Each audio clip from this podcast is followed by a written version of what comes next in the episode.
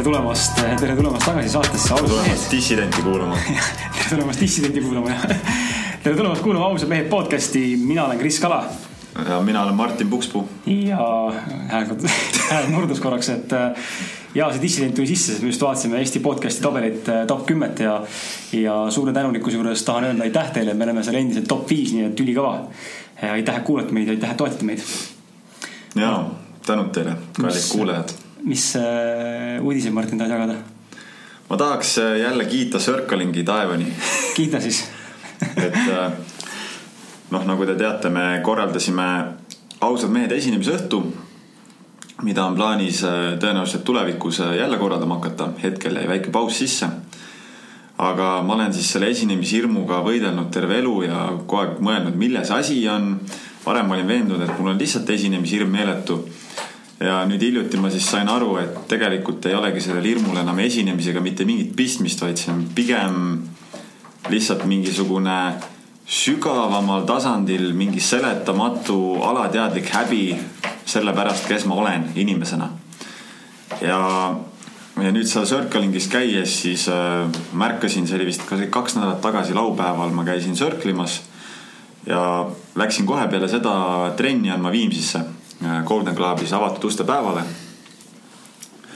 ja kui tavaliselt äh,, eelmine kord ma mäletan, kui käisin avatud uste päeval, oli palju rahvast Äh, ja siis pidin veel trenni kandma seal kümnele võõrale inimesele, siis no ikka meeletu närv ja meeletu ärevus oli sees. aga siis peale Circlingi läksin nüüd seekord andma trenni. kõigepealt märkasin, et oota, mida kuradit, et nagu jumala chill on olla. mingit närvi sees ei ole, siis hakkas trenn, jälle oli nagu selline tunne, et nagu mind ei koti, et ma olen siin inimeste ees, juhendan neile trenni, ma tean, mis ma teen. ma tean, kes ma olen, et äh, ei olnud nagu enam sihukest enese Äh, ma ei teagi, sihukest enese, liigset nagu eneseteadlikkust või seda, et äh, kuidas ma nüüd välja paistan või, või, või et ma justkui ei sobiks olema siia inimeste ette, et nagu see oli kadunud. ja nüüd ma olengi märganud, et rühmatrenni juhendada on nagu palju mõnusam, et selline hirmu asemel on hoopis nagu suur hulk sellist elevust. ja noh, ma ei tea nüüd, mis see täpselt selleni on viinud, aga, aga, aga ma tunnen küll, et circling on see üks üks komponent, mis on nagu kõvasti, kõvasti aidanud. palju õnne sulle. aitäh. mul on hea meel, et sul on, on tekkinud väike parem tunnetus selle, selle esinemishirmu ja selle, selle kõige sellega, et see on üliäge ja see on su eesmärk olnud ju jumal teab, mis aastaid mm, -hmm. pikalt juba onju. ja kindlasti sa ei ole veel täna seal, kus sa tahad olla, aga. ei, muidugi, muidugi. Aga jah, äge, et ma olen leidnud nagu selle tööriista enda jaoks, mis äh, aitab mul äh, vabastada iga, igasugust, äh, igasugust jama enda seest. väga hea Mm, minul ei ole uudiseid, nii et ma lükkan kohe selle trummipõrinaga selle saate käima. ja, ja, ja täna on meil külas Tiit. Ähm, pealkirjast on siis näha ja väike sissejuhatus ka, et Tiit on üks korralik, ambitsioonikas ja paljudele naistele ning ka meestele eeskujuks olev tegus mees, kes oma elu jooksul teinud rohkem, tähendab teinud kümme korda rohkem, kui mõni mees unistada oskab või isegi julgeb Tiit on oma elu jooksul olnud jalgpallur, müünud nii banaane kui ka margariini, toonud kaupa Taist Eestisse, olnud pikalt ka Riideris, pidanud bowlingklubi ja tegelenud kinnisvaraga. viimastel aastatel on ta ka jalge alla võtnud spirituaalse ehk vaimse teekonna ja naudib seda enesearengut ja personaalset transformatsiooni, mis selle teekonnaga kaasneb. Tiit on mõned aastad tagasi läbi elanud kogemusega eh, kus ta viibis siis kümme päeva pimedas maa all, see oli siis Eestis onju. sellest äkki seda rääkida ka natukene. lisaks elanud mõnda aega ka Balil, võib-olla teed seda tänaseni isegi korduvalt, vähemalt niimoodi tundus mulle ja, ja mida siis Tiit veel on teinud, Tiit on õppinud ja praktiseerinud erinevaid Osho meditatsioone ja käinud isegi kogemas meditatsioone Osho rahvusvahelises meditatsioonikeskuses Punes. läbinud samuti ta lugematul hulgal enesearengu ja meditatsioonide kursuseid ja praktiseerib täna igapäevaselt ise nii joogat kui ka meditatsioone. Tere tulemast, Tiit. tervist rõõm, et te kutsusite mind. väga äge, et sa oled siin. suur au on olla teie, teie saates. Need äh, sõnad äh, liigutavad eriti sinusuguse mehe suust. et äh, lahe on see, et sina oled üks nendest, ähm, keda meie külalised väga tahtsid saatesse saada. sinu nimi käis küsitluses koos Urmas Sõõrumaa, Alar Ojastu ja Alar Tammingu ja teiste inimestega väga, väga palju läbi. nii et. kas keegi on neist käinud ka juba või? ei ole? mitte ükski. ei ole veel? On esimene oh suur rõõm. et äh, Alar on mind saatnud kaks korda perse. et äh, tuleb siis, kui valmis, nagu mehi valmis olema selleks. Sõrm ei vasta mulle ja Tamminguga pole ma veel rääkinud. okei, noh õnneks oleme kõik head sõbrad, et sa võib-olla saan toetada, kuna minu Ma- saate ära kuulavad. et äh, äge on see, et äh, ma tegelikult ise ei oleks äh, ausalt öeldes äh, sind võib-olla tänava saatesse kutsunud. mitte isegi mitte ühelgi põhjusel või mitte põhjusel, vaid lihtsalt kuidagi ei olnud nagu seda perspektiivi veel, et sa oleksid olnud seal järjekorras kohe. aga huvitav on see, et me sattusime sinuga, täna me räägime minevikvormis jälle, sattusime paar nädalat tagasi siis äh, Epp Käriseni saate salvestusele kokku, see oli juba, tegelikult oli eelmine nädal lõpp alles. oktoober. aga saade tuleb välja oktoobris täna. selles mõttes on täna veel üksteist oktoober okei, okei, ja, seega paar nädalat tagasi just, just. et oli, oli meil, sattusime kokku sinuga Epp Käriseni seal saate salvestusel ja, ja, ja seal siis pärast seda, kui ma olin andnud väikse siukse intervjuu Epule, siis sa seisid seal ja ma tulin sinuga rääkima ja siis kuidagi saime aru, et tegelikult oli see connection nagu mõlemapoolne, et just, just see kõ- kõnetas see, et sa tahtsid tegelikult ise ka tegelikult natukene võib-olla mingil määral tulla meie saatesse. ja mind kõnetas see sinu, sinu äh, väljaütlemised ja siis nagu peas käis läbi, et väga huvitav, et äh, ma olen teist nagu, ma olen ühte saadet vist kuulnud. et. saade see oli, kas sa mäletad? vot ei mäleta, aga meil marketingi inimesed, kes meil teevad marketingi oma nendele seminaridele, siis saatsid ükskord, et, et näed, et, et veel on nagu tekib tuge meile, et, et siis, siis sai kuulata, ma ei mäleta tõesti, kellega see oli. ja siis, ja siis tekkis, kui sa nagu siis ise veel välja ütlesid selle, et, et sina oledki see, kes selle ausad mehed podcast idega tegeleb et äh, siis koos Martiniga, eks mm, -hmm. et, et siis äh, tekkis sihuke sisetunne ja vaata, kus see nagu telepaatia energeetika toimib, et ma nagu oma peas mõtlesin, et ma tulen, räägin sinuga ise ka nagu, et et äkki, äkki tekib meil mingi connection ja siis näed, see toimiski. Toimiski. just, ma tahtsin tegelikult juba sulle seal öelda seda, aga ma ei tea, miks ma seda ei teinud, ei mäleta, kas kuidagi äkki sa vist äh, rääkisid niimoodi, et me lihtsalt läksime kohe edasi selle saatega. ei jõudnud seda öelda mm. -hmm. aga ükskõik kui homolikult see kõlab ka siin saates, siis sul on väga ilusad silmad. Ma pean seda ütlema, sul on omapärane silmade värv. Ja seal tundus eriti sinine, praegu on sihuke hallikas sinakas. noh, see on, see vahetab siis, kui eriti armunud oled, siis läheb sin- sinisemaks. kuule, aga Martin, ei, põnev jah, mul on ka hea meel, et Tiit see on, et ma tihti olen teda Golden Globis näinud, nagu olen teadnud nime Tiit. olen nagu kursis, et tegeleb ka mingite vaimsete teemadega, tundub sihuke huvitav mees. Aga pole jah, pole jõudnud suhtlemiseni ja nüüd on väga äge, et siin saates just, näinud olen, sind ma olen rohkem näinud ja saalis tegutsemas. et peab ikka käima oma keha eest hoolt kandmas ikka, et ega ainult, ainult joogaga nagu välja ei vea, et, et selles mõttes on tore ikkagi hoida oma keha nagu siukses äh, sitkuses, toonuses, sitkuses ja ma ei tee seda enam nii palju, kui ma vanasti tegin, aga noh, ikkagi niisugune üritan kaks korda nädalas ikka nagu jõuda jõusaali ka Martin, kas äh, vead sina esimese mõnusa küsimuse sisse või vean mina? vea sinu. vean mina. Tiit, meil on sihuke klassikaline küsimus, mis alati ei kõla igas saates, aga Mhm. sinu puhul ma tegelikult natuke isegi tahaks seda kuulda mm. -hmm. et nagu sa näed, mul on tegelikult küsimused ette pandud ka, aga nagu me sinuga juba aru saime, et tänane saade võib tulla väga spontaanne, võib-olla me endani ei jõuagi üldse, mis on täiesti normaalne. aga alustame siis sellest esimesest, et, et minna selle spontaanse raja peale ja aru saada, aru saada, kuhu, kuhu sina nagu liikunud oled ja kus sa oled täna. Et räägi enda selline milstone'ide kaupa selline kulgemine võib-olla, mis on nagu mingid sündmused, mis sinu jaoks on sind nagu kõnetanud elus. sa võid alustada ise, kust tahad, lapsepõlvest, no puberteedieast. jah, ega see, see sihuke, sihuke mingi sisemine, sisemine hääl või mingi tahe, et näha midagi enamat kui see, mida me siin silmadega näeme, on mul kogu aeg olnud sees, et äh, võib-olla sihuke kõige, kõige, kõige esimene kokkupuude oli äh, meditatsiooniga kahekümne aastaselt, et mul isa on hästi palju loeb raamatuid, ta pigem noh, nagu praktiseerimist teeb ise, aga ta niisuguseid kursuseid ei, ei käi läbi, aga ta suunas mind siis kahekümne aastaselt ühele India, ühe India guru meditatsioonikursusele, kus siis nagu löödi nagu hästi laiali see, mida siis see meditatsioon võib-olla isegi pigem täna olles seda nagu rohkem praktiseerinud ise, et sain aru, et noh, tegelikult on hästi suur teadus tehtud, kuigi asi on hästi lihtne. ja siis mulle tundus küll, et kolm päeva teooriat ja mediteerimist ja teooriat kahekümne aastasena, kui nagu mul nagu sellel ajal oli palju muud teha.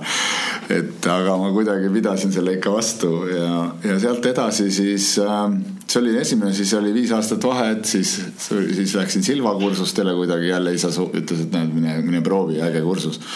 käisin see Silva meetodi kursustel ja siis tuli jälle hulk äh, pidu, rock n rolli ja narkootikume ja kõike, mida, mida noore, noore inimese elus tihti kaasneb ja ja, ja selleks siis nagu spordi tegemine ka, eks sport on ka üks meditatsioon, et ma olen omal ajal jalgpalli kõvasti mänginud siin Mart Poomi ja Martin Reimi ja Indro Lumets, Toomas Kallaste ja need kõik, kes on siin Eesti koondisest läbi käinud ja mõned veel praegugi treeneri ametis seal olnud.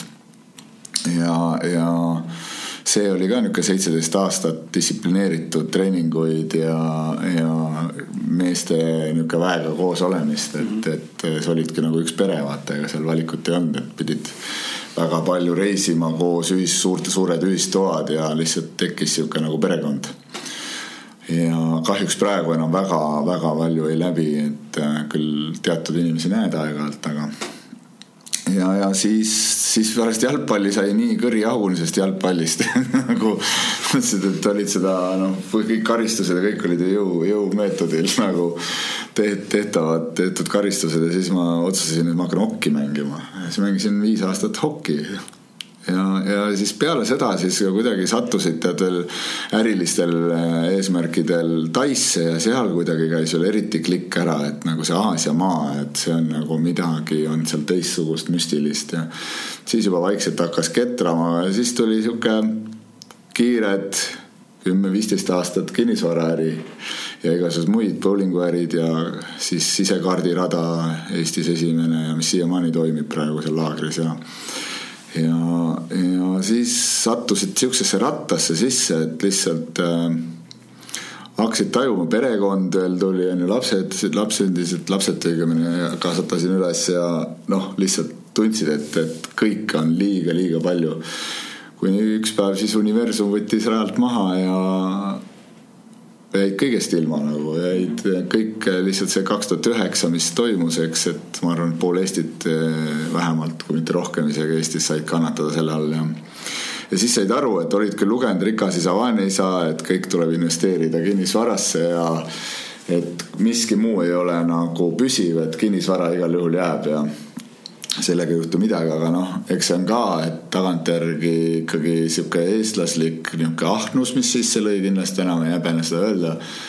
et äh, kui sul on, siis sa tahad nagu, et rohkem oleks, et saavutada, pigem selle taga oli kogu aeg see tunne, et ma tegelikult tahaks saavutada enda jaoks siukse nagu sihukese koha, kus ma ei peaks enam tööl käima, et mu siuksed asjad nagu oleks äh, lihtsalt äh, toimivad ja ma saaks hakata võtma rahulikumalt. Ja mul oli see eesmärk saavutada nagu paigal, püstitatud endale. aga kõik see lendas enne seda püstitust, mingi kolm aastat varem lendas nagu vastu taevast.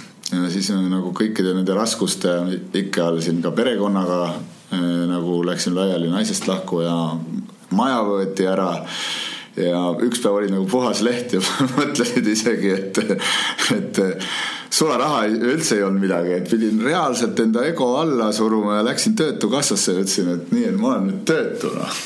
et kuna kõik asjad läksid nii pea peale ja mõtlesin, et kus sa selle nagu, et selle vähemalt selle elus püsimisegi sissetuleku saada, siis et ei olnud midagi teha, noh. kuigi ülipiinlik oli, hästi suur häbitunne kandis end ja ja läksin lihtsalt ja tagantjärgi ütlen, julgustan kõiki, et tehke seda, sest nagu teine pool ütles, et ma olen terve elu makse maksnud ja ja mitte kogu aeg muidugi aga, aga suurem osa olen ikka maksnud jah. ja siis, et miks ma ei võiks siis nüüd midagi riigilt tagasi saada, et loomulikult, et ja see oli nii õige otsus. ja siis ma läksin oma elus esimest korda nagu nii ka läksin äh, tööle, et ma läksin ühte projekti juhtima, kutsuti, küsisin, panin nagu sõna käima, et kui kellelgi on midagi pakkuda, et ma olen siin ise nagu kinnisvaraprojekte ja ehitustega tegelenud, kui kellelgi on pakkuda midagi, siis võtan vastu. käisin isegi, redutasin Soomes kuu aega, läksin, elasin kolmetoalises korteris äh, veel neli, neli naist, kes käisid tehases tööl ja mina sain ühe toa endale, rentisin ühe, ühte tuba, et käisin, otsisin lihtsalt Soomes võimalusi, mida, millega tegeleda, et mul olid hästi posu igasuguseid näidiseid kaasas. reaalselt, äh, mida võiks vahendada äh, Eestist Soome, mida nagu Soomes ei olnud, mis on nagu head tooted aga noh, soomlastega nagu äri ajamine, see on tõesti no,, ma ei oska öelda, noh see soomlaste see põhilause, et pidas mieti ja noh, kaua sa mietid, et kui kaua sa mõtled nagu, et kuule otsusta ära juba.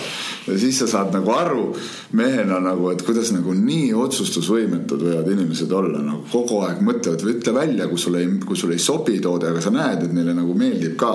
aga nad kurat ei ütle välja seda, et nagu, et ot, ei otsusta ära noh lihtsalt ja siis lõpuks mul sai kannatus otsa, et siis mulle pakutigi Eestis ühte projekti juhtida ja siis ma tulin pool aastat, juhtisin väga ägedat ühte niisuguse ööklubi ülesehitust ja, ja peale seda ma sain aru, et, et nüüd on aeg jälle ohjad enda kätte võtta ja hakata ise midagi tegema.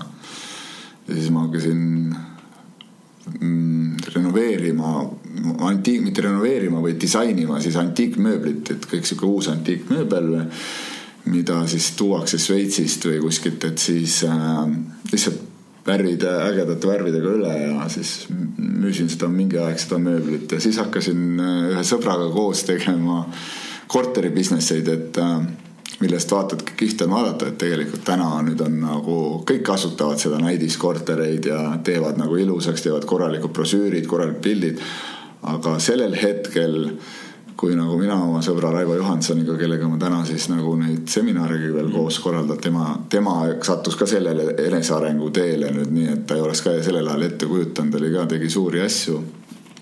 ja kinnisvara business'it, et ta täna on samamoodi on meestele, meestele nagu nõustab ja teeb joogatunde ja korraldab mingeid ka tantsu niisuguseid rännakuid ja ja noh, selles mõttes, et elu on huvitav, et täna ma vaatan, et pärast seda nagu hakkasid hästi paljud firmad kasutama sama metoodikat, tegema hästi korralikuks, ilusaks kortereid ja korralikud brošüürid ja et enne seda ei tegelenud küll, vaatasid kinnisvaraportaale, siis mõtlesid, et kuidas need kõige igavamad pildid saavad üles panna nagu.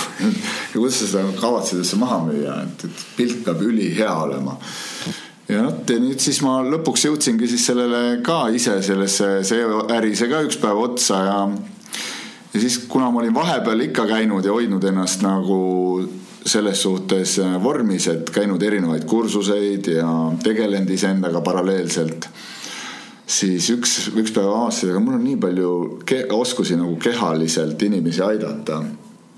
Ja üks osa tänaseni siiamaani, mis mul igapäevaselt äh, on, on siis kehatöö inimestega, et teen sidekoe massaaže. ja see seanss kestab nagu kaks tundi, aga see viib inimese sihukesesse sügavusse, kus ta tavaliselt kunagi käinud ei ole, et, et nagu võtan läbi sellise kehatöö temalt sellise mõistuse sealt vahelt ära mm. et ta julgeks minna kontakti oma emotsionaalkehaga, mis on seotud sidekoega ja, ja siis hakkab asju juhtuma, et siis hakkab vabanemisi toimuma ja, ja siis inimesed eh, lähevad jälle, et on nagu, kui, kuidas öelda siis kõige paremini, et tegelikult eh, tänapäeval eriti selle kiire elutempo juures ja kogu selle trillitralli, mis meid ümbritseb on inimesed eh, enda hinge ja keha lahti ühendanud nagu üksteisest, et eh, keha elab oma elu ja hing elab oma elu, et see ongi seesama, vaata, et see, mida sa rääkisid alguses, tsirkling on ju mm. -hmm. see enesega kontaktis, enese, enese vastu, iseenda vastu eelkõige aus olemine, et, et sa ei lähe vastuollu iseendaga mm -hmm. nagu. aga seda, ma olen ka käinud, kas käisid Alari ja, ja mm, -hmm. ja siis Raini juures ja, ja. just et ma olen seda läbi tantra praktikate, et kui ma nende juurde läksin ka kogema, et siis seal midagi nagu minu jaoks nagu uut ei olnud, et ma olen seda hästi palju praktiseerinud läbi tantra kursuste, kus on vaja nagu inimesele otsa vaadata ja hakata rääkima välja oma päris asju mm -hmm. ja puhastama enda kogu seda siis eluliini, mis sul on olnud, kus on sul olnud igasuguseid kukkumisi ja häbi ja valu ja, ja et sa julgeks selle välja rääkida täiesti võõrale inimesele et see näitabki, et kui sa selle juba, sellesse julged kontakti minna, siis sul tekib kehaliselt hästi suur vabanemine, sest sa mingi kehaosa sul alati alateadlikult hoiab seda tunnet sul kuskil peidus ja hoiab seal varjus, et sa jumala eest sellega kontakti ei läheks. Sest et see võib olla ohtlik või see, see võib tekitada sulle endale nagu mingit häbi, kuigi tegelikult midagi ei juhtu kunagi, aga su enda see hirm on nii suur alati, et, et et siis sind enam võib-olla ei võeta tõsiselt või et sa ei ole enam aktsepteeritud, eks, ja või sul tekib nagu hästi tugev häbitunne, et et mis nüüd kõik teised sinust mõtlema hakkavad, kui sa nagu aus oled iseenda vastu või kui sa räägid välja päriselt võib-olla noh mingisuguse, mingisuguse siukse lapsepõlve mälestuse, millega sulle on tegelikult trauma, inimesed peaksid pigem tunnevad sulle kaasa, aga sinu enda sisetunne ütleb, et, et sul tekib pigem sellest häbi, et sind pigem mõistetakse hukka, et mm. -hmm. et kuigi sa ei ole seda ise tekitanud, et sulle on tekitatud see, see ütleme, emotsionaalne nagu siis trauma. et sihukest asja on hästi palju ja see on nii vabastav ja ja noh, siis satudki ikka kogu aeg mingi noh, nii kui sa lased sellest süsteemist lahti, et minu jaoks praegu ka täna on ikkagi siukses kontrollitud süsteemis olemine on, ma ei oskagi öelda, ma ei tuleks vist enam ise toime sellega, et, et olla kuskil, et et noh, täna nagu ütleme, osaliselt ma siin ka olen äh, Rotermannis siin Urmas Sõõrumaaga seotud ja eks ka, et õnneks ta on mulle andnud seda nagu minu enda seda olemust ja lubanud mul olla see vabadust, et et ma ei pea nagu kellaajast kellaajani kuskil laua taga istuma ja siis äh, lihtsalt äh, vaatama seda kella, et ja, ja, ja mõtlema, et kuidas see päev läbi saaks, et ma pigem nagu olen kogu aeg tegutsemises, ma tean, et ma teen asjad, et nii nagu ära ja rohkemgi veel, aga vot, et see, et lihtsalt olla üks osa süsteemist, vot seda ma enam ei suuda noh. Et see on see, mis õppetunni ma olen ära, et jääda iseendaks ja usaldada elu ja tegelikult äh, tegelikult elu hoiabki sind, et vaata, see, see hirm on alati suurem, see, et ma arvan, et sa ütlesid, et sa ise ka praegu koged seda oma elus, et, et, et ei ole ju millestki puudu see ja kui sa lõdvestud, eks sellesse olemisse, just Alari eile kuulasin ka Alari ühte nagu webinaari ja siis.... seda viimast Edu Akadeemia webinaari. just, just. no ma vaata seda, et minu jaoks ka midagi uut ei ole, sest ma olen läbi just nagu enesearengu erinevate kursuste sedasama asju nii palju saanud ja ma tean neid asju täpselt, et see, mida tema rääkis nagu teoorias, vaata, et me oleme nagu, olen ise seda keha peal, needsamad asjad toimivad keha peal ka. et nii kui sa lõdvestud ja usaldad, siis hakkavad sul siuksed ideed, siuksed mõtted, aga vaata, inimesed ei julge minna isegi ühte-kahte päeva usaldada enda lõdvestuseks, et sa ei mõtleks mitte millelegi, et lõdvestu lihtsalt ellu nagu lihtsalt ole. et või mine loodusesse, mine nagu võta endale see aeg ja isegi kui sulle tundub, et see ei ole, see ei ole mõeldav, et sul on nagu pere selja taga ja sul on kohustused ja kõik. et see tundub nagu see üsna võimatu. aga kui sa selle, sellest läbi lähed ja hakkad nagu, hakkad nagu julgema neid hetki järjest rohkem ja rohkem võtma, siis, siis hakkavad asjad juhtuma nagu, siis hakkavad uued olukorrad tulema ja, ja sa, ja sa annad energeetiliselt nagu tegelikult siis loa, et sinuni jõuavad uued ja huvitavad asjad nagu, uued inimesed ja, ja see on nii naljakas ka, et vaata, kui sa ise oled äh, hakkad teistmoodi nagu vibreerima või tegeled iseendaga, et sinu vibratsioon võib-olla muutub, eks.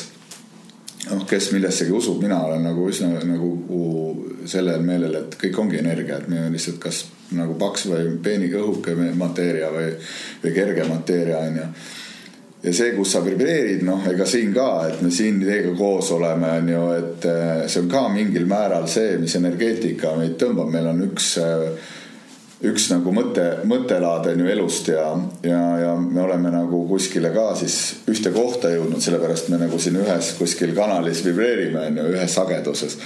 Ja samas on huvitav vaadata, et kuskil kunagi, kus, kus sa oled olnud nagu, kus on siis on nagu see alkohol ja pidu ja narkootikumid, ei kohta enam inimesi mm. -hmm. linn ei ole ju suur ja mõndasid inimesed näed iga päev, noh jumala iga päev ja mõtled, kuidas võimalik, et nagu nii suur on linn ja isegi sa näed neid inimesi teiselt pool maailma otsa nagu jälle mõtled, et kuidas nagu nii, kuidas see maailm nii väike ikka on ja siis teatud inimesi lihtsalt äh, ei kohta, aastakümneid ei näe mm. võib-olla -hmm. juhuslikult, kui mingi üritus on, et siis jooksed kokku, aga nii on lihtsalt noh no see oli nüüd lühidalt mm -hmm.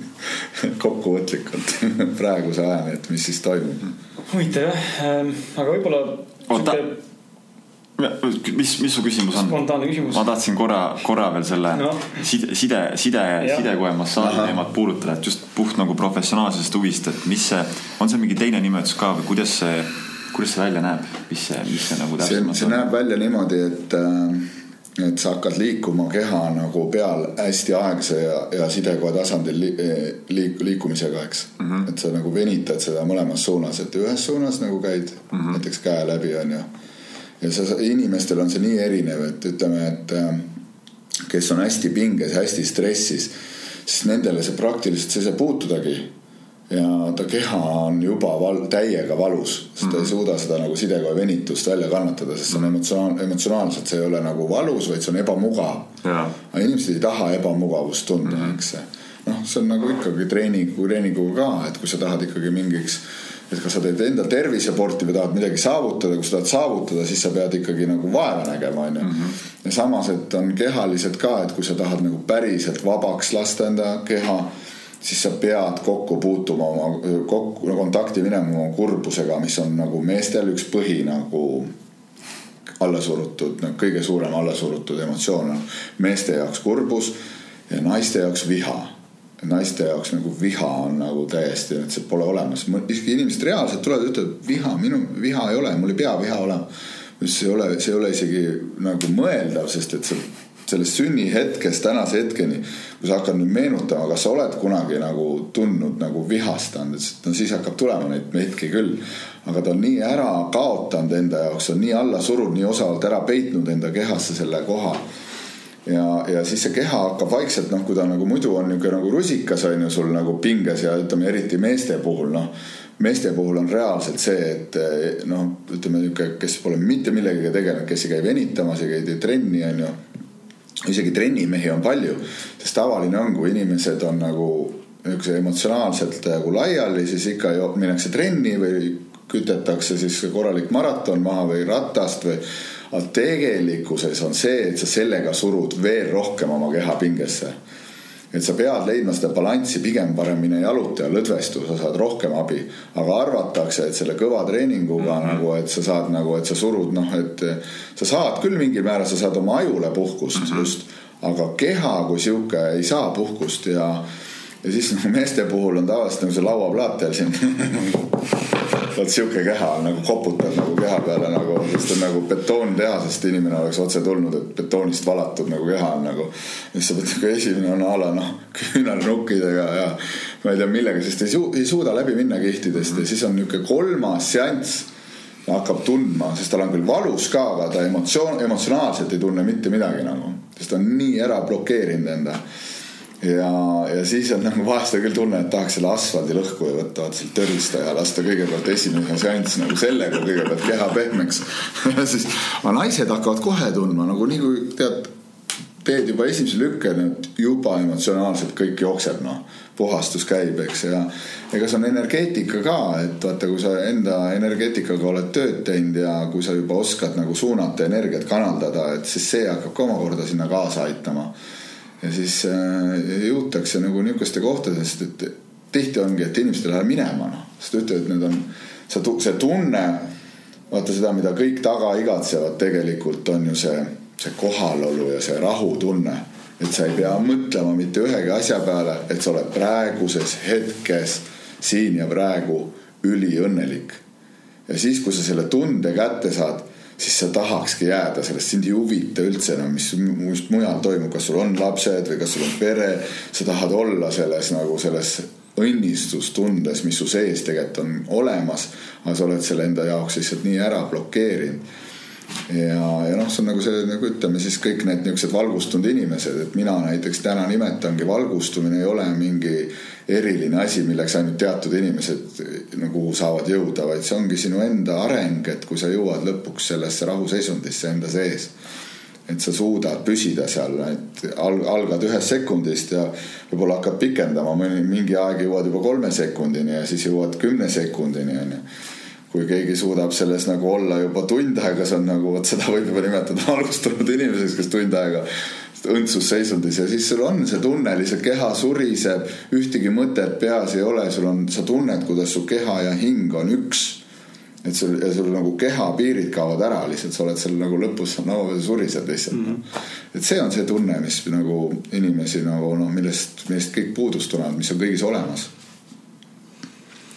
aga jah, mida kahjuks aina vähem äh, kogetakse, sest et väljapoole elatakse ja ja mis veel kõige suurem keha blokeerija ongi see, et no vaata, mis nagu teie teete seda tänuväärset tööd, et, et seda just kutsuda ja rääkida ausalt välja, et äh, asjadest, kuidas nad päriselt on nagu, et nagu äh, ükskõik kellelt küsid, ega keegi ju tuleb äh, raadiosaatesse, paljud julgevad välja öelda, et, et mul on nagu öeldi, just see nädal on täiesti perses nädal olnud. mitte keegi Eesti kuulsutesse ei tee seda. ei, absoluutselt, ma olen nii palju kuulanud neid erinevaid podcast'e, siis kuulad, et mis asja te räägite nagu, et kuule, laske see mask nüüd maha, et öelge nagu, mis te päriselt elus, et ei ole realistlik, kui sa lähed kell seitse hommikul välja lõpetad päeval, jõuad nagu kukud koju sinna kell kümme õhtul ja siis ütled, et nii suure rõõmuga lähen homme jälle noh. ei lähe noh, ei lähe et, et selles suhtes, et see on sihuke Eesti elu paraku, et ega väga puhkust ei osata öelda, vaatadki, kuidas mujal maailmas elatakse nagu palju teistmoodi, et eks see, eks see Eesti ühiskond on ka selle, et see kiire, kiire nagu rikkus ja see kiire nagu ütleme, elukvaliteedi tõus on tekitanud selle, et me oleme nii kaua siukse ikke ja, ikke ja, ja siis vaesuses olnud ja kui sulle üks päev näidatakse nagu, et on nagu kõik see rikkus on su silme ees, siis loomulikult kõik tahavad kohe saada edukaks ja rikkaks ja omada maja ja ilusamaid autosid ja et kõik käiks eliitkoolides ja lapsed oleks parimate riiete, parimates riietes ja aga nagu, kui sa nagu hakkad sissepoole vaatama nendesse inimestesse, siis ega õnnelikud nad küll ei ole noh täna ma ikka tajun hästi palju, seda ma mäletan hästi, et seda hetke, kui mul see nagu endal see kaks tuhat üheksa see pauk ära käis siis sa sõidad selle kalli autoga, sõidad nagu tunned, et nagu mitte mingit eluisu ei ole, nagu päriselt käisid ka ikkagi mõtted läbi, et kurat nagu ei viitsi enam nagu elada elu edasi, sest ma olen nii palju vaeva näinud ja nüüd on nagu see kõik ära võetud, et ma ei jaksa enam otsast peale alustada, onju ja, ja siis sa vaatad kõrval, jääd kuskil foori taga onju seisma. ja siis vaatad nagu kõik täiesti nagu tavaline perekond, no vaatad, et noh, suht nagu lihtsalt elu elavad. ja nii õnnelikult lähevad sult sealt kõnniteelt onju, lähevad üle tee ja sa lihtsalt vaatad ja hakkad nutma lihtsalt sellepärast, et sa nagu tahaks ise samas seisus olla et see on nagu, see on nii, et ja, ja noh, üldse, mis Eesti inimesel, ma võin ühe päris lõbusa loo rääkida, et et just see juhtus mingid mõned nädalad tagasi Rotermanni seal Ahtri tänaval ülekäigurada, sõidan autoga ja vaatan, et nagu ühel pool teed, et inimesed, kaks jalgratturit, no suure tõenäosusega turistid, eks. ja seisavad, ütlesin muidugi, et ise oled rahus, vaata, sest ma tean, ma olen ise ka sihuke olnud, et perse fuck off, et oota, oodake edasi, et mul on kiire, onju.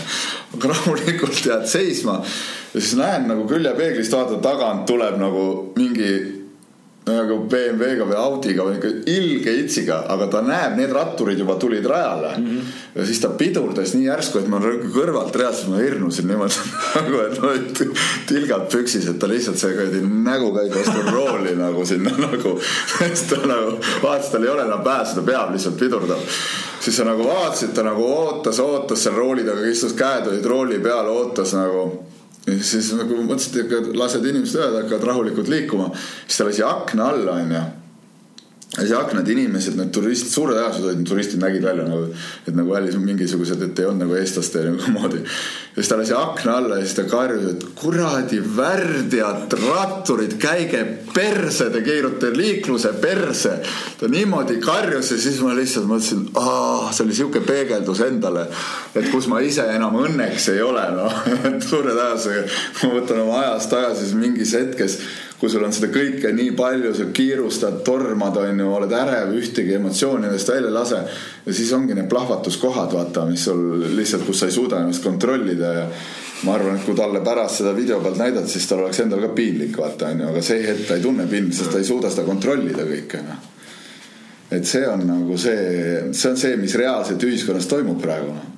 ja eks minu jaoks ongi need Osho meditatsioonid, et mõtlen, et kus oli nagu noh, omal ajal, mis ta nüüd on, nelikümmend aastat tagasi juba nüüd nagu disainis need meditatsioonid ja ütles juba siis, et on näha, mis ühiskonnaga toimub, on ju, et ühiskond läheb aina rohkem ja rohkem nagu stressi, aina rohkem kõik see kõik nagu areng, tehnoloogia areng ja kõik kaasab televiisorid, asjad, raadiod, autod lähevad paremaks.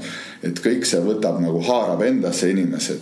Ja juba sellel ajal ta hakkas tegema niisuguseid meditatsioone, nalja mõtlema, kus inimene saaks teadlikult minna hulluks selles meditatsiooni ajal et parem on ju minna hulluks selleks, selles kohas, et kinnises ja hoitud ruumis lasta endast kõik see hullus välja, mis su sees tegelikult möllab kui see, et sa nagu järgmine moment keegi ütleb ühe vale sõna ja siis sa pärast ei suuda ära kahetseda, et sa selle kõik välja lasid endast, mis sul nagu seesse oli alla surutud. et selles mõttes on nagu minu jaoks ka, et miks ma tihti neid joogatunde ja meditatsioone, miks ma panen, sest ma tean, et ma pean ise kohal olema ma ise annan tundi, siis ma pean ise kohal olema, onju. ja siis ma saan ise kaasa teha ja see on mulle endale ka vajalik, sest et meie meel on nii kaval, noh, ta kogu aeg mõtleb põhjuseid välja, et miks sa ei peaks sinna täna minema, noh mm -hmm., et on tuhat muud asja, mis sa pead tegema. Aga vot sellest mugavustsoonist välja astuda, et see on nagu üks raskemaid asju, et eriti kui sul on mingi pikk päev selja taga, on ju, et no isegi see, ma arvan, see trenni jõudmine on ju, et kui sa juba sinna üle ukse saad ja hakkad liigutama, siis sa tunned kus, kus stress on ju, nagu see kiire päev hakkab äh, lahtuma ja samas on ütleme niisugused äh, joogastiilidest nagu in-jooga, mis on, mina, soovitan kõikidel meestel mingi in-joogasse noh. Et see on see, see on see jooga, kus õpite oma seda kehasse tooma seda naispoolt, et vaata igas kehas peaks olema tasakaalus see meespool ja naispool et noh, vanasti ju räägiti, et mees peab olema kogu aeg nagu hullult mehelik ja mm -hmm. noh, aga siis eluiga oli ka lühike, eks. eluiga oli omal ajal ikka nii lühike, et sa nagu teadsidki, et üle neljakümplise suure tõenäosusega ei veagi välja, sest et sa oled, sa oled kogu aeg lahingus, sa oled kogu aeg võitluses ja sa kogu aeg nagu mingi elu eest võitlema. Aga täna on see nagu muutumises, et, et kahjuks täna on see, et pigem nüüd naised vajuvad kõik sellisesse meespoolde ära, onju, et kõik on nii mehiseks läinud nagu naised enam naiselikkusest ei ole enam nagu väga haisugi noh. ja mehed lähevad jälle siis nagu naiselikuks, niisuguseks pehmeks ja lillekesteks ja, ja keegi ei taha midagi teha, trelli, kui sihukest asja ei saa arugi keegi, kuidas see käib, onju, või naela seina lüüa või noh, mis asja. See ei ole nagu seda, noh, Youtube'ist vaadatakse suure tõenäosusega, kuidas see käib, aga aga kui sa suudad selle tuua, on ju, endas tasakaalu ja, ja just see in-yoga annab meestele seda juurde, seda, seda pehmuspoolt, et seda olemispoolt, mida, mida mehel on kõige raskem saavutada, on see lihtsalt olla. Lihtsalt ole laisklemise see nagu, et sa pead seal viis minutit, tund kestab tund nelikümmend viis, sa pead viis minutit olema praktiliselt äh, ühes poosis, lõdvestuma ja hingama, võtad siukse õrna venituse sisse. No peale juba kolmekümmend sekundit hakkab mehel, no nii palju, kui ma sinna hakkab nagu niuke, et mõtled, et saaks sealt minema, et tund nelikümmend viis nagu see ei ole reaalne olla siin nagu lihtsalt mitte midagi tees. mul on vaja sada asja veel täna korda ajada.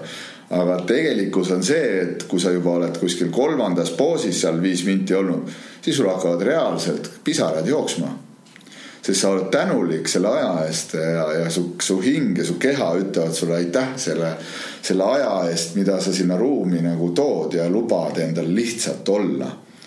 ja, ja siis inimestel unehäired paranevad ja äkki tuleb tunnist välja, kõik keha suriseb, lihtsalt suriseb, sest sa oled lõdvestunud. ja selgelt nägemine kui sihuke imeravimid ja noh, ma olen sellest kuskil eelnevas saates ka rääkinud, et ütleme nagu kirikuski mis siis tehakse inimestega kirikus nagu noh, kirikus on muidugi jälle see teema, et seal nagu hästi palju rõhutakse süütundele onju, mis ei ole minu jaoks õige noh. hästi suur süütunne tekitatakse inimestes.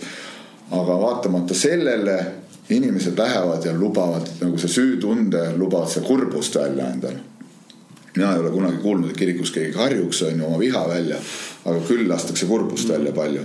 ja siis äkki avastatakse, et keha suriseb, sest sa oled oma selle pinge välja lasknud noh, loomulikult keegi ei usu, et sinu endas on kõik see vägi olemas ja sinu endas on see ravimisvõime ja kõik see lõdvestus olemas, et justkui alati tahetakse uskuda, et keegi teine tegi sind. kedagi peab kummardama nii-öelda. just mm, -hmm. just, et minul ju ka samamoodi sidekoe, et ma tegelikult juhin inimese lihtsalt ise, tema, tema ise läheb sügav lõdvestus, lõdvestusse ja läbi selle saavutabki oma seisundi mitte noh, mina muidugi aitan tal sinna lõdvestusse jõuda, aga põhitöö teeb ta ise ära mm. -hmm et, äh, et selles suhtes on jah, huvitavaid, huvitavaid taipamisi nagu elu jooksul siin palju. ja vaata, kui sa ise oma selle erinevatel kursustel ja noh, ütleme, mäletan esimene asi, kuidas, kus pandi häbi ka, et sul tuli ka vaata hommikul siin sissejuhatuses see häbitunne, et, et kas ma olen piisav, on ju, grupi ees, et kas ma olen ikkagi piisav et see, mida meil kogu aeg, et eh, isegi nagu sõbrad, nagu ka, et selle asemel öelda nagu pigem hea sõna, et, et see on nagu üli, üliäge tund oli või et, et noh et sa tegid nagu hästi, sest pigem leitakse alati neid negatiivseid nagu asju mm, -hmm. mille, millele rõhuda mm, -hmm. mitte selles, et, et rõhutada pigem neid positiivseid asju, mis inimeses on, eks, et ja laste puhul samamoodi, et noh, mina olen ka siin nagu vene ajal üles kasvanud, ega koolis ja trennis ja õnneks mu vanemad on, ma olen nii tänulik oma vanematele, et nagu kui ma kuulen, noh, kui me siin erinevatest, vaata oledki käinud siin mingites saadetes, kus inimesed nagu toovad välja oma lapsepõlve draama, siis mõtled, et no mul on ikka hullult vedanud noh. siis kuuled, mis vanemad reaalselt oma lastega teinud on, siis lihtsalt hoiad pead kinni, mõtled, et see, et kust need inimesed tulevad, et kuidas nad suudavad üldse oma lastele niimoodi teha, ei mahu pähe, aga noh, eks seal ka taga on tihti see, et et see ongi see vereliin, et nende vanemad on ka karmilt käitunud ja see ongi see sinu otsus täna, kas sa muudad mm -hmm. seda mustrit, et see lihtsalt, see on tegelikult ongi, see on nagu raadiosaadegi, et sa lihtsalt sageduse muudad ära, sa lihtsalt keerad ennast teise sageduse peale. muud ei olegi vaja teha, lihtsalt keerad ennast teise sageduse peale ja siis hakkabki kohe sinu teadlikkus ka muutuma, niikaua kui sa oled selles oma selles vingus ja halas ja kõiges kinni, niikaua ei muutu mitte midagi, et kõik on pahasti, et ma ei saa sellepärast teha, et kõik on pahasti, noh mm -hmm aga võta, võta siis muuda nagu tee siis midagi ise nagu tee hästi, tee seda hästi, mida sa oskad ja. ja kõik tahaks ju kohe sinna õrrele saada, et, et et, et sa oled nagu kuskil siin all, aga sa, sa ei viitsi seda vahepealset teed käia läbi, et see, seda teekond, see ongi tegelikult nagu teekond ongi see, mida sa peaksid nautima, aga kõik tahaks kohe, et ma tahaks kohe siin kiirtee lõpus olla nagu. ma ei viitsi seda vaeva, aga see ei olegi vaev, vaata vaev on siis, kui sa jälle võtad selle nagu endale endas noh, see, mis meil geenides on kõigil see tõe ja õiguse sisse ja ütled, et kõik peab üliraske olema, kõik peab hullu vaevaga tegema ja see kõik ongi nõme ja sakk, et mida me siin igapäevaelus peame tegema. aga võtad kerguse sisse, teed nii palju, kui jõuad ja, ja samas ongi see ka, et ega hästi oluline on, et sinu, sinu lähedased ja, ja sinu nagu vanemad kui sinu elukaaslased kui lapsed, et kõik oleks sinuga nagu selles mõttes nagu ühes paadis, et nad aitaks sul seda nagu kergusega võtta. aga noh, kahjuks Eestis on niimoodi, et kui mees on näiteks, kui ma toon nii, et mees on siis äh, leidnud enda jaoks selle kerguse ja tahab muutuda siis naine ütleb, et no way, et mina mingit kuradi hipit endale küll ei taha, onju. aga kurat, see hipi on kuradi lõpp, päeva lõpuks palju kuradi, palju, palju parem inimene, et sellest ei saa keegi aru. ja see toob su endasse ka, et kõigil on hirm aga see hirm tekib samamoodi sellest, et aga mis siis must mõtlema hakatakse, mis must naabrid mõtlevad, mis must nagu sõbrannad mõtlevad, kui ma üks päev enam ei saa endale kogu aeg lubada uusi asju iga nädal selga, onju et see on see, mis meie ühiskonda kahjuks juhib, noh mujal maailmas seda ma arvan, et nii palju vaata, kuna seal on see kõik juba ammu olnud ja lahti, aga ma näen, et see on muutumas ka praegu, et läbi noorte ega vanematel ei ole enam võimalus nii väga toetada, et lapsed saaks ka iga nädal poodi minna ja et eh, krediitkaart kaasas ja et mine osta palju tahad, et tee, mis tahad, eks, et, et eh, noh, näha on, et noored ka juba midagi tahavad, siis käivad ja teevad tööd, on ju, et, et saavutada oma raha ja see ongi normaalne minu arust, et noh, ega sellega on, et ühtepidi on tore et kindlasti ongi see vajalik, et sa nii palju, kui sa saad lapsi toetada, aga just see, see piir seal ära jagada, et tihti ongi see, et, et noh, kui isad teavad, et sul on vaja saavutada, on ju mingi asi nagu selleks ise ka vaeva näha.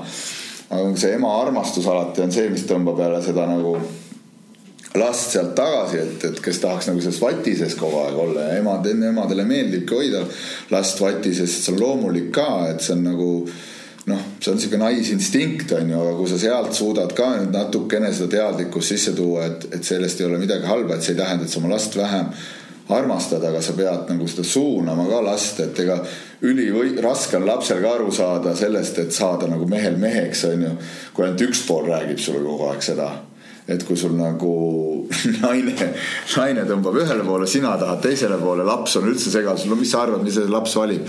näidake üks laps, kes valiks selle raskema poole, ei vali keegi raskemat poolt, kõik valivad selle pehme poole. et ikkagi sinna nagu mugavustsooni läbi minna, et nii on. minu meelest see on äh see olukord ka tihti, et kui näiteks isa on kuskil välismaal tööl mm -hmm. ja siis isal on lihtsalt nii kahju sügavalt sisimas, et ta on kogu aeg välismaal, ta ei ole oma lapse jaoks olemas ja nüüd ta tuleb koju ja, ja siis ta hellitab oma last, onju. ja, ja, ja noh, lõpptulemus on see, et ema hellitab, isa hellitab. lõpuks see noor mees siis äh, ei teagi, mida tähendab midagi ise teha nojah, eks ühtepidi see on nagu inimlik pool ka, aga mehi jällegi sellel hetkel juhib süütunne hästi tugevalt. -hmm. et süütunne sellest, et ta on eemal olnud oma perest ja, ja see on nagu sihuke ühtepidi nagu loomulik inimlik äh, aspekt selle kõige asja juures, aga noh, jah et raske on seda teadlikkusega endas muutma ka hakata, et selleks sa pead juba ülitugev isiksus olema, et kui sa suudad sellest nagu välja astuda ja, ja vaadata seda teise pilguga, et, et samas, et kui palju see ülehellitamine võib nagu tulevikus perspektiivis nagu kahju tekitada, onju et jah, et siis ongi lastel nagu raske nagu sellest välja ka tulla, et ja, minul näiteks vanem poeg on, läks üheksateistaastaselt äh, Austraaliasse ja ja see hetk oli ka, et, et ma arvan, et kui mul oleks nagu nagu head ajad olnud, siis ma oleks talle andnud äh, kümme, kakskümmend tuhat taala kätte ja öelnud, et noh, et võta rahulikult, onju et vaata, et, et kõik chill oleks, onju, aga noh, seekord oli kahjuks nii, et ma ei mäletagi kas oli see viissada või tuhat euri. ütlesin, näed, siin on nii palju, mul rohkem ei ole lihtsalt sulle anda, ma laenama ei hakka raha praegu mm. -hmm aga sa saad hakkama, et usalda ja kõik sõbrad ütlesid, hüppasid ka, et nagu see algus on suure pundiga, et kõik lähme, lähme, lähme. aga siis, kui see hetk on käes siis kõikidel tuleb hirm sisse, et aa kuradi kahju, ikka ei tahaks üldse ema-isa tiiva alt välja minna ja, ja hakata ise vastutust võtma. ja siis hüppasid kõik teised, hüppasid alt ära ja oligi oma pead, on ju, ja, ja võttis selle julguse ja ta on nii tänulik tänasel päeval selle, selle, et ta seda tegi. et see, mis noh, mul on ju nii, et, et Aust-, tema läks Austraaliasse, mina sellel ajal juba tegin neid palliväereise ja ma nägin teda, siis ta oli aasta ära olnud ja siis tuli aasta pärast, noh muidugi olime nagu olnud kontaktis, aga ma polnud nagu füüsiliselt teda näinud. see, mis oli see iseseisvust, aasta aega iseseisvust eh, ühest poisist nagu, kuidas ta nagu meheks oli kasvanud reaalselt aasta aega. see oli nagu nii silmaga nähtav ja noh, sa lihtsalt vaatad, et kuidas see võimalik on, niisugune transformatsioon nagu on toimunud ühe aastaga. Et see nagu, ta räägib, ta mõtleb nagu täiskasvanud inimene, ta nagu iseseisev, ta vastutab kõikide asjade eest ise. Ja et ei saa öelda, et tal seal kergeid aegu oleks olnud, et samamoodi tulid hirmud peale, et loomulikult, kui sul vaata, et raha hakkab otsa saama, sul nagu läheb mingile tööle, sa tunned, et see ei ole üldse sinu töö, et sa ei taha nagu see ei see üldse ei kõneta sind, on ju, siis sa pead vist kuskile mujale leidma suures riigis oma pead üksinda elamist, elamise leidma ja, ja nii edasi ja nii edasi, et see paneb ikka korralikult proovile noh mm -hmm et ütleme, et, et ega see, ma arvan, et endalegi oleks see sihuke paras proovikivi olnud, et tuleb meelde see, see hetk, kui mina tulin äh, pärast poolteist aastat Austraaliast tagasi, siis minu paps ütles samad asjad mulle, et äh, mul on üldse isaga suht nagu kehvad suhted olnud mm, -hmm. aga, aga tuli tagasi, ütles ka, et kurat, et äh, sa oled meheks saanud vahepeal. et mm -hmm. nagu, mida kurat, et ja, ja no mul oli ka igast, igast, igast ikka juhtus, no ma üldse opil käisin Austraalias ja ikka jumala võlgu mm -hmm. kohalikele kodustele mm, -hmm. sealsetele inimestele ja oi, mul oli ikka rets, aga lõpuks oli kõik hästi mm. -hmm. aga see poolteist aastat õpetas väga palju ja meie läksime elukaaslasega Eh, kahe peale seitsmesaja euroga mm -hmm. sinna mm. -hmm no kõva usaldus on ju. ka kõva usaldus. ma võin sulle rääkida selle, et, et äh, mul oli ka siin noh, kui sa astud sellele enesearengu teele on ju, siis äh, siis juhtub see, et vaata, kui sa oled selles olnud selles põhimõtteliselt selles tõe ja õiguse faasis kogu aeg terve elu, et sa trügad tööd nii-öelda ninast veri väljas on ju ja sul on kõik eesmärk on ainult rikkaks saada, ainult jõukaks saada, edukaks ja perel oleks kõik olemas, suur maja oleks ja autod oleks ja lapsed oleks hoitud ja, ja heades koolides. nagu sa sellel hetkel, kui sul see noh, ütleme, kes suudab siit ise välja astuda, et sul nagu, et hea, kui sul mingi asi tiksub, et sa suudad oma teadlikkust hakata muutma. aga kui sul võetakse ära, siis on lihtsalt, siis sa nagu hakkad taipama, et et see on nii mõttetu olnud, et sa oledki ainult klapid, sul on nagu, nagu kogu aeg on klapid olnud ees. ja sa lihtsalt näed nagu ainult ühte eesmärki ja rügad selle poole, sa ei näe nagu üldse, mis sul külg kõrval toimub. ja siis tekib see abaatsuse faas, sealt see teine äärmus, kui sa nagu avastad ja siis sul tekib nihuke tülgastus üldse töö vastu nagu ma ei taha näha ka mingit töö tegemist.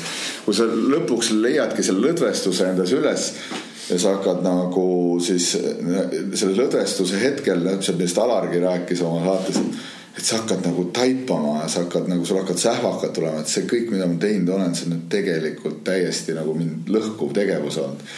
et selle nimel, et kellelegi väljapoole näidata, et kui edukas ma olen või kui palju mul on. ja siis sa oled selles apaatses siis faasis kus sa nagu vaatad, et kuidas sa oma kõhu täis saaks, et nagu tööd ei taha üldse teha, nagu sunnid ennast minema nagu kogu aeg tööle nagu lihtsalt hullu tahtejõuga midagigi tegema. sest rent on ju ikka vaja ära maksta, on ju, et sa ei saa, et kellegi siis noh, ütleme perest rääkis ka, peret on vaja ka toetada, on ju, et ja, ja lapsi toetada ja ja päeva lõpuks, et kõht ka täis oleks, et sa pead lihtsalt seda nagu see, see tekib, minu jaoks oli see faas ka nagu sihuke nagu totaalne enese nagu. ühtepidi sa oled nagu murdnud sellest süsteemist välja ennast, aga siis teistpidi sa nagu vägistad see, et sellel hetkel ellu jääda, et see, see periood üle elada. et siis, et see ei ole üldse kerge, ma näen seda tänapäeval hästi palju, et need, kes lõpuks nagu sellest süsteemist nagu välja astud, et see on nagu paratamatu protsess, et sa käid seal teises äärmuses ära ja siis hakkad vaikselt sealt tagasi tulema. ja ma läksin samamoodi pallile, läksin mingisugune, ma võtsin neljaks kuuks eesmärgi, et ma lähen neljaks kuuks eh, pallile ja mul oli raha viissada euri nelja kuu jaoks, noh. pilet oli ostetud, onju, läksin siis pallile ja, ja mõtlesin nagu usaldan ja vaatan, sest mind inspireeris enne seda üks lugu, mingi kutt oli teinud maailmale ringi peale. et oli teinud maailmale ringi peale niimoodi reisides saja dollariga. et alustas lennupiletiga, lendas punkti A ja sealt edasi oli sada dollarit hmm.. ja tegutseski niimoodi, et lihtsalt juhutöödega magas vahest kirikutes, vahest mingi kodutute nendega, vahest läks, hüppas kuskile laeva peale, kalalaeva. reaalselt selle rahaga ja kogu aeg sai nii palju kui vaja täpselt. reisiski reaalselt ringi peale noh. ja see mind nagu julgustas ka, et kui saja euroga, noh kuule küll ma saan neli, see ei ole üldse mingi ühes kohas olla onju ja läksin kohale onju, siis samamoodi panin kuulutuse üles, et kes tahab palile tulla et kuna ma olin juba seal olnud, et võtan vastu, siis äh, vean teid ringi, kahe nädala hind on sihuke. kogu aeg tiksus inimesi peale, siis sai mingite kohalikudega tuttav, sellel ajal ma juba tegingi ka neid nagu kehatööd ka. tegin mingile, ütleme nihukestele Euroopa siis, äh, kes palil olid nagu siis juhtautoriteedid juba seal, et äh, kes olid ennast nagu sisse seadnud ja keda kõik nagu siis äh, valged inimesed teadsid seal juba kohapeal, kellel olid head nagu joogakeskused. siis tegin neile nagu seansid, inimesed nagu olid nii tänulikud, neil nagu seda kohe pärast seda kihlusid lausa, ütlesid, et ennem olid nagu nii kuidagi ei saanud suheldud omavahel ja tegid nende kehad nagu kehadega tööd said korda, nemad panid juba sõna edasi, siis veel kord sõna edasi ja siis vaatasid, äkki oli mingi klientuur juba palil tekkinud, onju. ja siis venitasidki välja, noh. ja mõtlesid ka, et täitsa lõpp nagu, et okei okay,, sul ei ole seda luksust, onju küll, et sa nüüd hullult seal saaks nagu möllata ringi, aga, aga mul oli kõik olemas, mis vaja oli ja no ma uhkasin tõesti see hetk, et see, see lihtsalt ei mõtle ja eks see on paratamatult niimoodi, et hästi huvitavad asjad, et vaata iga kord, kui lähed nagu Eestist ära, sa nagu justkui energeetiliselt võtad siit lahti ennast, onju. esimesed võib-olla nädal aega veel telefon mingil määral heliseb. ja siis on kõik, kuigi ma ei ole kellelegi öelnud mm. -hmm. lihtsalt tajutakse mingit pidi või ei teki seda, inimestega ei teki seda connection'it nagu. ja, ja siis on sul praktiliselt oleneb kaua oled, tavaliselt ma nüüd viimasel ajal olen nagu olnud pigem kaks kuud ära käinud, sest et see üle kahe kuu on see, siis kui sa siia tagasi tuled, pead siin üles hakkama ehitama otsast peale. aga kaks kuud on veel sihuke piir, kus sul nagu ikkagi suudad veel tulla, et on nihuke viimane. oled pildis veel? veel oled pildis, aga üle kahe kuu, siis sa kaod pildist ära, siis on jube raske nagu tagasi tulla. no vot ja, ja siis ongi nii, et siis häda all enne seda, kui ma hakkan tagasi tulema, ma hakkan, tulen mõtetega siia juba, hakkan vaikselt looma seda, mis mul siin on. ja tele, juba hakkavad tellimused tulema nagu mm. -hmm. ja juba hakatakse kuskile tead kutsuma ja tegema ja, ja juba mingid tööpakkumised ja ja nii edasi ja nii edasi, et noh, ma siin mingi osaga veel endiselt tegelen sisekujundusega ka ja seal nagu Rotermanni kvartalis aitan seda nagu välispinda seal nagu hoida nagu niisuguse nagu, nii palju kui võimalusi on huvitavana ja huvitavana ja siis äh, erinev nagu ütleme nii, et hunt kriimsib, noh igav ei hakka noh. hommikul täna oli, tänane päev oli, et hommikul andsin joogatundi. vahepeal käisin korra üks nagu sisekujundusprojekt on eraisikult, eks tegin seal mingid asjad, nüüd tulin teie juurde. nüüd lähen siit, teen veel ühe nagu ühe seansi ühele inimesele ja siis edasi lähen Rotermanni, teen seal veel tööd nagu et teemad vahetuvad, eks, et aga noh, aga vähemalt põnev on. põnevust ja tegevust on äh, sitaks. Mis mind nagu huvitas äh, või nagu kõnetas, on see, et võib-olla sa oskad nagu, ma ei tea, kas nõu anda või, või mis mõtted sul tekivad, et äh, see apaatsuse ja, ja üldse selle tegutsemise koha pealt, et mina täna tunnen, et ma olen tugevalt selles etapis, kus ütleme, see etapp tegelikult on terve elu käinud, mulle kunagi meeldinud tööl käia mm -hmm.. ilmselt see on meie põlvkonna teema võib-olla, et meile lihtsalt mm -hmm. ei meeldigi ja ei tahagi ja saamegi aru. ma mõistsin juba üheksa. liiga noorelt ärkame üles nii-öelda. ma, ma tunnen, ma, ma tunnen Martiniga mõlemad, me oleme nagu liiga, liiga noorelt jõudnud selle enesearengu ja vaimsuse teekonnani mul on väga raske täna materiaalset poolt äh, järele vedada või ta, tasakaalu tuua. praegu ma olen, tunnen, et see vaimsus on nagu hakanud nagu mitte tipus, aga sihuke väike haripunkt, väike platoo on tekkinud enda teadlikult nüüd ja nüüd ma nagu toon selle teise poole vaikselt järgi aga täna on nüüd see hetk, kus ma olen töötu, tulin, tulin teatud põhjustel turundusjuhi koha pealt ära siin paar kuud tagasi. töötukassana praegu saan töötukassas raha onju, vanemahüvitis jookseb ka veel mõnda aega mm. -hmm. ja, ja nüüd ongi see, et üritan siin seda podcast'i teha, selle pealt kuidagi seda ehitada, samal ajal mingeid muid asju teha ja kuidagi on see tunne sees, et. et fucking hell, ma täiega nagu ühtepidi nagu usaldus sees olemas, et asjad liiguvadki, ma näen, et asjad liiguvad, täiega mm -hmm. liiguvad, aga teistpidi on see tunne, et täitsa perse peab minema varsti tööle mm. -hmm. tegelikult on perses mm. -hmm. ma just, noh, ei ole, ei ole realistlik ja ma täna teen endale mm, siin kahe kuuga endale sellise eh, mingi teenuse toote ülesse, mis teeb mulle piisavalt palju käivet. Eh, ma saaksin maksta välja elamisraha, mis ma olin harjunud siis, kui ma käisin tööl. noh, see tundub mulle realistlik täna, võib-olla ma, võib-olla ma ise piiran ennast, aga see tundub mulle eba, ebareaalne täna nüüd, et nüüd kahe kuu pärast on see võimalik. ma ei näe nagu seda akent noh mm -hmm., ja siis ongi see, tekibki vaikselt see hirm, tekib vaikselt see tunne, et täitsa perse, ma ikka läbikukkuja, noh ma ikka ei saa hakkama, ma ei saagi sellest august välja reis, kaua ma käin niimoodi, ma tegelikult ju vihkan tööl minemist. aga ma pean ikka minema, raha ma teenin ju. vaata nii kaua, kui sul see hirm ikkagi kuskil kuklas istub, onju, kui sa suudaksid mingi hetk äh, alistuda sellesse hirmu sisse. lihtsalt lubadki selle tundel olla enda sees lubadki olla see, see saamatuse ja, ja ei saagi hakkama ja lubangi endal olla see lihtsalt ju noh, nii-öelda siis mõtted endale, et olengi siis mõttetu ja mul olengi mõttetu ja tahangi olla, onju.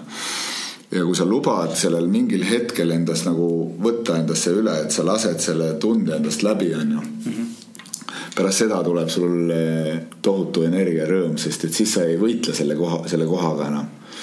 ja eks see on nagu oluline ka, et äh, et sul nagu lähedased ka, ega tihti on nii, et kui oleks täitsa oma pead ja sul ei ole vastutust, sul ei ole last, on ju, on palju kergem seda teha, eks. et kui sul, kui sul ikkagi on pere ja siis paratamatult tuleb sul see kohusetundlikkus nagu sinna koputama kogu aeg, eks. et südametunnistusele, et kuule, et, et sa ei ole ju üksi, on ju, et sa vastutad ka siin kellegi eest aga, aga noh, see on, ma arvan, et see võti ongi see, et, et sa ei tee nagu jõuga midagi, et sa teed nagu kergusega hakkad tegema ja manifesteerimine muidugi aitab, noh. see lihtsalt, et sa kujutad endale ette, siis see, see niimoodi energeetiliselt äh, toimib. et äh,, et kui sa nagu selle noh, täpselt nagu just see pali, vaata see ka, et kui ma ikkagi mõtlen, et see toimib, siis ta toimib ka, onju. ja kui sa mõtledki, et, et mis sa siis tahaks, millist tööd sa siis tahaks teha, onju, endal.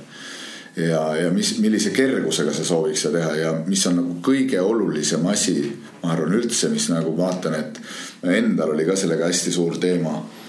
et sa tead, et sa teed nagu head asja, et ma olen nagu ülipalju sinna mm, enda aega, raha ja teadlikkust äh, nagu sisse pannud. et see eneseväärtustamine, kui sa midagi teed, siis julge küsida nii, et sa tunned, et sa oled väärtustatud nagu et see on üks olulisemaid asju ja kui iga kord mul on noh, nüüd ma olen nagu hakanud üle saama, aga tihti ma tunnen, et ma ju annan oma aega kuhugi ükskõik kus siis tead, nüüd viimasel ajal on hästi paljud ka nagu, et tahavad kokku saada või nagu siis äh, et tule nõusta.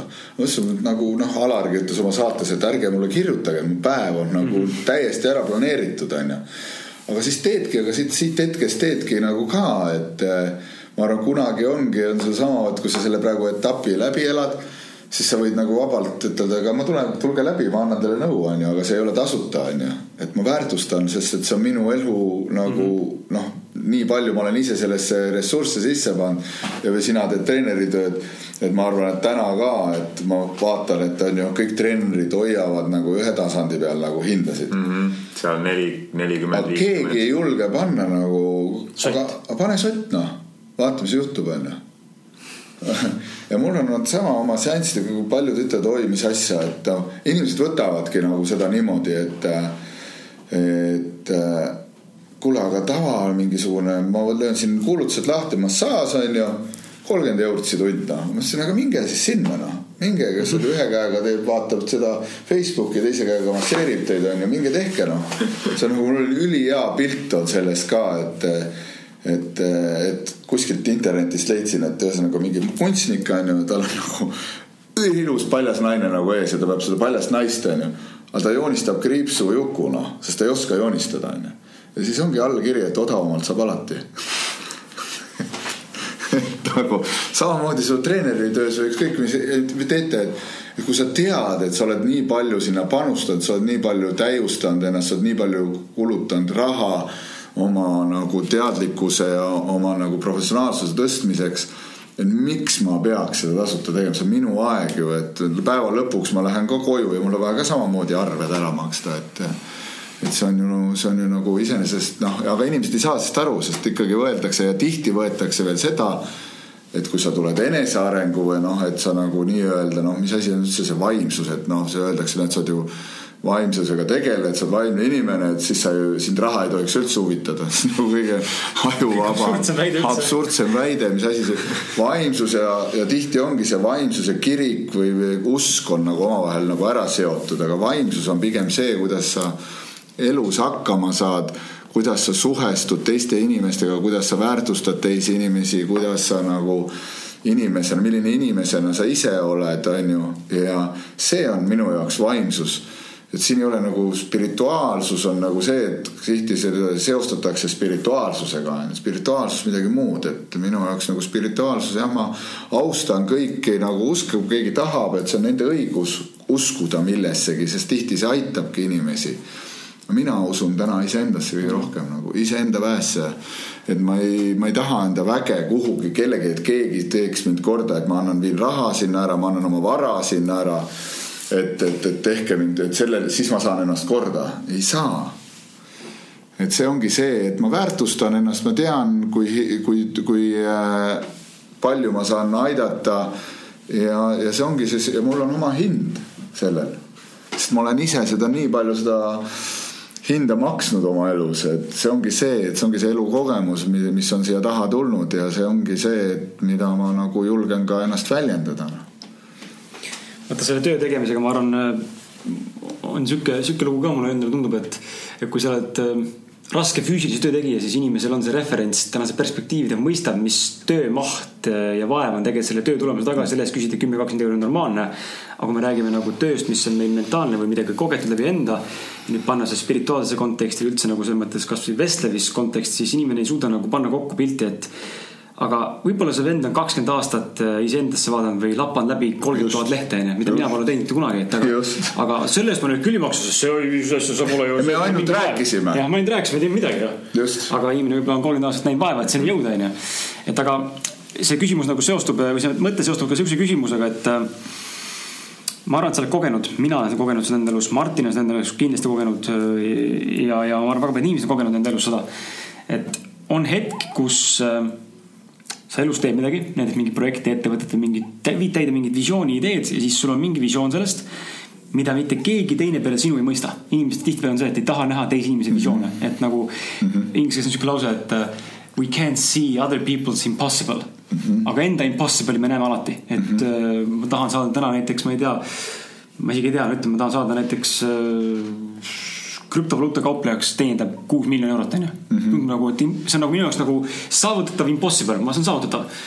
aga nüüd mõne teise inimese samasugust võrdväärselt nagu mingis muus valdkonnas impossible'i, ma ütlen, et kuule, ma ei tea, kas sa ikka oled õppinud piisavalt või. et me nagu ei taha teist inimest toetada nende teekonna millegipärast, me tahame pigem nagu nullida neid ja ruineerida, et aga küsimus siis sellest, et äh, kuidas siis, äh, mis on sinu kogemus ja mis oskad soovitada meie kuulajatele ja ka mulle ja Martinile täna, et äh, kuidas, kuidas nagu vaatamata sellele, mida teised sinust arvavad või sinu visioonist arvavad või sinu visiooniga haakuvad, mitte haakuvad, kuidas püsida enda teekonnal ja valitud sihil ja ka saavutada see ilma, et sa laseks mõjutada sellest, mis ümberringi tegelikult toimub, sest et, sest et see surve on tegelikult päris tugev mingi aeg, eriti kui sa üritad sellest kas süsteemist läbi murda või hakata enda asja tegema, siis see survestatus, eriti perekonna poolt, on väga, väga rets lihtsalt mm. -hmm.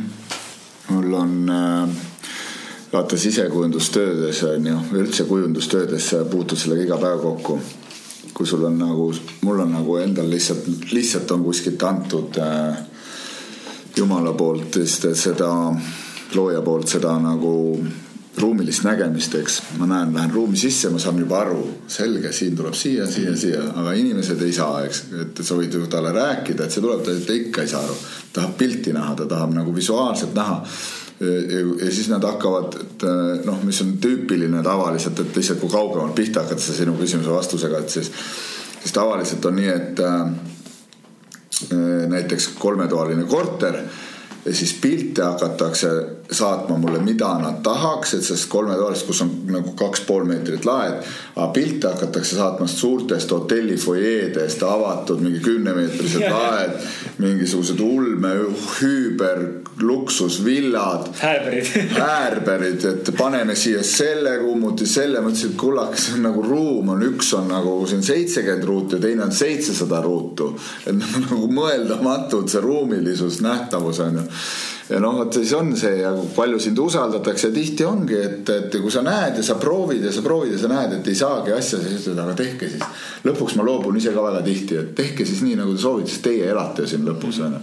aga need, kes usaldavad, siis ongi vaata see pärast see eufooria on nii nagu nagu suur, et ütles, et jumal tänatud, me siin nagu hullult palju ei mõjutanud, et me lubasime sul teha ja ma näen seda igapäevatöös nagu samamoodi ükskõik, kas sa teed nagu visiooni, mida sa siis näiteks seminarist või teed. Äh, ega mul tihti oli ka, et kui me Raivoga hakkasime seda seminari, siis meil oli täpselt sama vaata nagu teie teete et me saime täna siin kokku, me ei mõelnud, et mil-, hullult läbi õpid kolm päeva, õpid oma teksti pähe, et millest ma räägin, millest ma räägin, et ma jumala eest puusse ei paneks, et on ju et sa tahaks nagu luua ja jätta endast nagu ülelt ülisügava mulje, et, et nüüd ma sihuke olen, sest ma olen selle teksti pähe õppinud ja siis, kui sa korraks viid mu tähelepanu mujale, siis ma jooksen kokku, onju. Mhm. sest ma nagu olen nii kinni selles kõiges ja see on seesama vastus sulle, et nagu sa, sina ju usud endas, sa tead, et kui sa oled nagu päriselt sina ise, sa usud endas ja peadki uskuma enda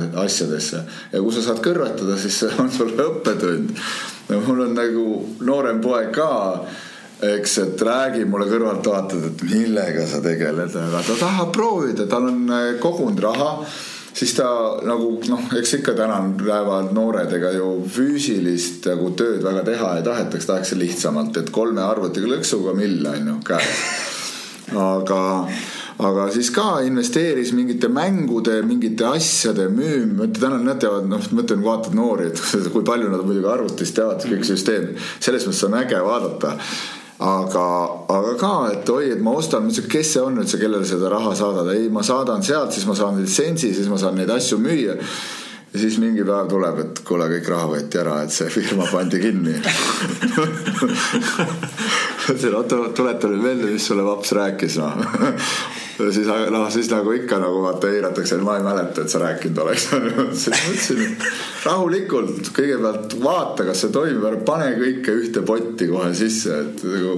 aga see on nii oluline, et sa lased tal läbi teha. absoluutselt, et, et just, et kui mina mõtlen ka, mul ka ei ole isaga head suhted, onju, vastu, vastupidi ja kunagi isa ei lasknud mulle, et nagu okei okay,, ma ütlen sulle nii, aga tee ise, saa oma kogemusi, nii et see on nii oluline, et lasta poegadel saada nagu see oma kogemus kätte. Faili, faili veel noh. Ja, ja, ja üldse treenides ja vaata, et nüüd noh, nüüd on nagu treener, aga see, kui ise rääkisid, et venitus, mul isa rääkis kakskümmend aastat, kui mida sa käid seal jõusaalis nagu hakkab venitama, sest nagu see venitus on poole osa, olulisem osa su lihaskasvust on ju, et kui sa ainult pumpad kogu aeg, et siis ei olegi ruumi seal kasvamiseks aa, mida sina tead nendest asjadest? No nüüd käin ise venitan ennast niimoodi, et vähe ei ole, nüüd räägin oma pojale. Samamoodi. lööb käega, ütleb, mida sa üldse tead asjadest. Aga lasedki teha, onju, ja, ja maksabki noh ka, et võtab seda vastutuse, et, et ei ole nii, et et kui mingi asja ära kaotad või mingi ise pange paned, et siis vastutad oma kogutud asjadega, et ei ole nii, et mina pean kinni maksma, sest siis sul jääb õppetund meelde mm. -hmm. muidu sul ei jää õppetund meelde, kui mõtled, nii lihtsalt läkski, aga ma riskin uuesti. et mul see pankroti teema samamoodi, et, et usute või ei usu, et tahtsin teha, aga peangi ära jätma ürituse, sest mul oli plaan teha eh, niisugune seminar, pankrot, kas eh, kas nagu algus või lõpp. juba olin mingi kuue inimesega kokku leppinud ja ülituntud inimestega, kes on läbi elanud. ei julge tulla ja isegi kui ütlesid jaa, siis läks kaks nädalat mööda ja ütlevad ei või ei võta üldse telefoni enam vastu nagu ulmekuubis lihtsalt ütled, siis sa, sa kardad sellest teemast rääkida aga lihtsalt nad ei võta vastu isegi enam telefoni. mida sa kardad, tekib mu küsimus. no nagu... Eh, hirm, selle kõige taga. Eh, hirm, eh, selle häbi tähendab, sorry, mitte hirm, vaid häbi häbi on nii suur äh, sisemine, et tegelikult meeste puhul on see häbi veel eriti hästi tugev kontrollifaktor. et see hakkab pihta seksuaalsusest et seksuaalses pooles on häbi nii, mida su nagu noh, ütleme, et kus siis ühiskond on sind juhtinud ka, et, et mis on nagu okei okay, siis käitumismustrid, millised on okei okay ja millised ei ole. ja ma võin sul noh, öelda nagu seda, et äh, käisin, noh nagu elus on kõigest asju ära kogetud, käisin mingi hetk nüüd siin on Prantsusmaal on Captadi all on niisugune linn nagu Village Naturiste, kus inimesed käivad paljalt ringi ja siis äh, kõik poed, restoranid, kõik ööklubid, kõik, kõik on paljalt nagu. kõik toimib ja siis sa hommikul lähed ja ma olen palju, palju, ma olen läbi tantra kursustel nagu palju-palju. ja esimesed korrad nagu ei olnud mugav. et kui ma siit veel tagasi tulen, siis mõtlen, meenub esimene tantra kursus, kus ma eks kursusel räägiti kõik see energeetiline pool lahti üldse, kuidas nagu ennast enda seenepulset hakata kontrollima, kuidas energiat liigutama, et kuidas sa lõdvestud sellesse vahekorda, mitte et sa ei, nagu ei ole eesmärk, et siis sul nagu kiiresti see pulse toimub, kui sa lõdvestud, siis sa nagu suudad seda vaadelda ja kontrollida, ise otsustad, millal sa siis, kas sa purskad või ei purska. aga siis oli vaja nagu, pandi kaks rida, osad mehed olid oma naistega onju, pidid nagu noh, vaatad vastamisi ja, ja siis sa nagu ühel pool on naised, teisel pool mehed. ja siis sa silmadega pidid seksima kõik naised läbi nagu. ja mis sa arvad, et see oli mugav, kui su teema, see kõrvalt, kes sul nagu võib-olla kõige rohkem sealt meeldis, selle mees oli kõrval noh siis vaatad, et sellel naisel oli eriti piinlik ja mul oli ka piinlik talle otsa. siis nagu ma tunnen, et ta nagu jah, nagu vist sümpatiseerib küll, liha tekitab ka minus onju. siis ma proovin siis teda silmadega seksida noh, ajas niimoodi ajas naerma.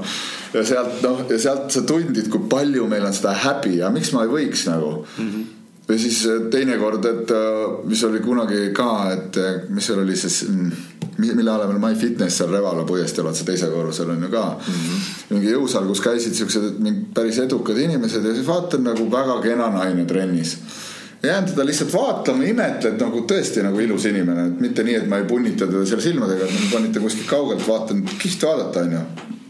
mingi hetk tuleb me, mingi mees juurde tuli välja, et see tema noh, nagu mees siis on veel tema nagu armuke, ütleb, et kuule, et patsutab õlale, et see on minu naine onju vaatad talle otsa. ma ütlesin, kuule, ainuke asi, mis siin maailmas veel tasuta on, on vaatamine, lihtsalt vaatamine on ju. ülejäänud on raha eest kõik nagu, et ära, ära nagu stressa, et ma lihtsalt vaatan, kui ilus naine sul on ja siis oli nagu suu, suu kinni kohe onju, aga nii on. Ja, ja siis seal Prantsusmaal samamoodi hommikul lähed nagu, seal oli hästi-hästi popp oli, hommikul kõik läksid sarv, prantslased on ju sarvesaia ostma noh. kõik inimesed seisavad järjekorras paljalt noh, müüja ka paljas onju. seisad seal järjekorras noh, ootad oma sarvesaia, siis kui sa saad selle sarvesaia kätte, siis lähed istud järgmine moment, lähed istud kohvikusse maha selle sarvesaiaga nagu võtad selle kohvi ja näeksid seda sarvesaia ja, ja, ja tekkis vaatamata sellele et mul on nagu neid kogemusi olnud, tekkis mul ikka see häbitunne sisse. et kas on nagu okei okay,, äkki keegi näeb nüüd mingi tuttav võib-olla näeb, et ma siin olen niimoodi nii vabalt, onju ja, ja siis noh, nädal aega olid, siis nagu lõpuks oli jälle teistpidi äärmus, et olid, tulid siia, siis oli siin nagu raske riietes, tahaks nagu kogu aeg nagu, sest et see on, see on nii huvitav. vaata üks suhtlussaade Eeva ja Aadam on ka tehtud, kus inimesed geniaalne idee, saavad kokku, noh, sinna vaata noored väga tihti ei julge tulla, tulevadki siuksed kolmkümmend pluss, kolmkümmend viis pluss, siis on nagu see juba, oled maha surunud juba oma selle häbi. Ja siis sa saad esimest korda, kui sa mees ja naine kokku saavad, nad peavad paljalt kokku saama.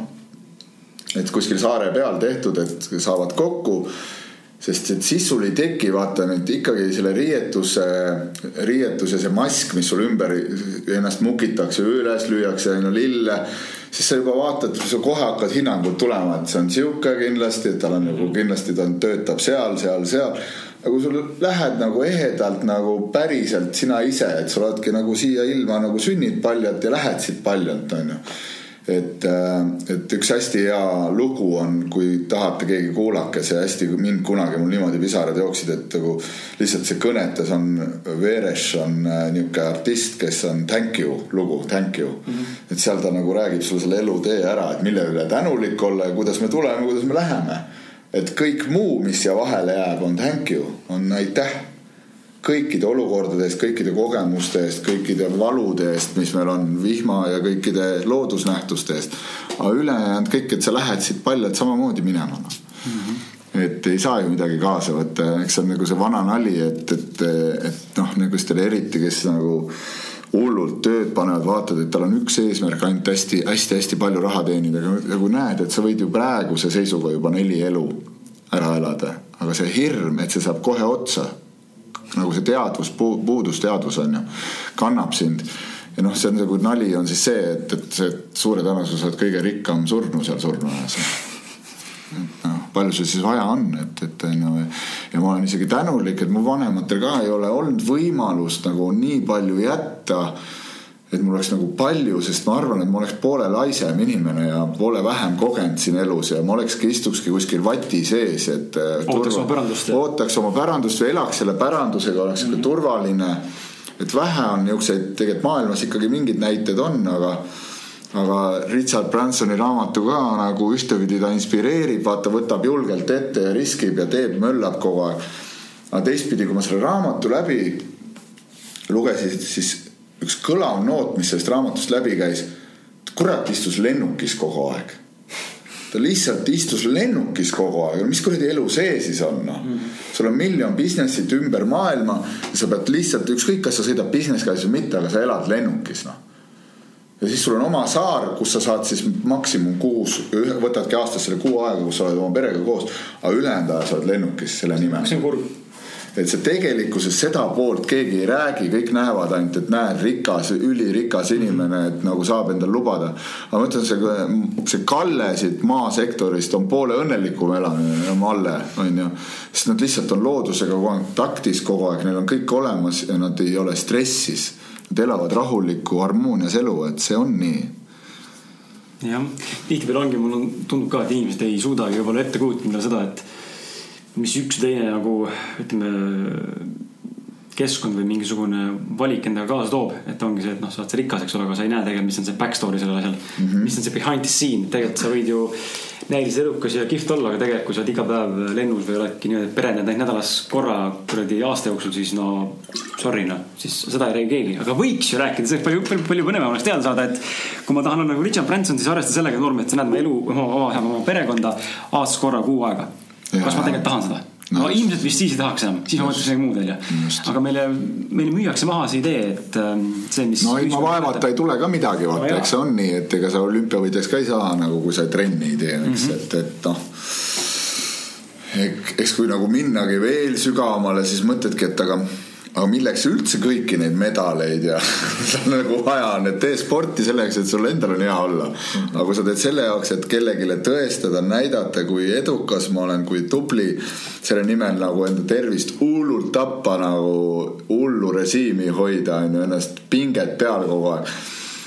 ja siis, kui see üks hetk on saavutatud, siis lased nagu käest ära, et vähe on neid, kes on olnud kunagi tugevad sportlased kes on elu lõpuni heas vormis. enamus laseb, kuna ta on nii palju, fucking palju oma elus nagu vaeva, higi ja verd näinud, siis ta ei taha pärast seda enam näha ka. no mul oli sama teema, et ma olin nagu jalgpallurina võin öelda, et meil on nagu trennides oli, ega ülakeha meil väga treenida ei lubatud, meil öeldi nagu jalad peavad tugevad olema. meil olid kõik karistused, kõik harjutused, kõik olid jalgadega seotud, nii et sa tihtipeale trenni lihtsalt ei saanud nagu trepist üles ja siis no mis sa arvad, et üks, üks päev, kui sa jalgpalliga nagu hüvasti jätad, et kas sa nagu jõusaalis jalapinki nagu poole pöördud nagu niisuguse austusega või ei pöördu.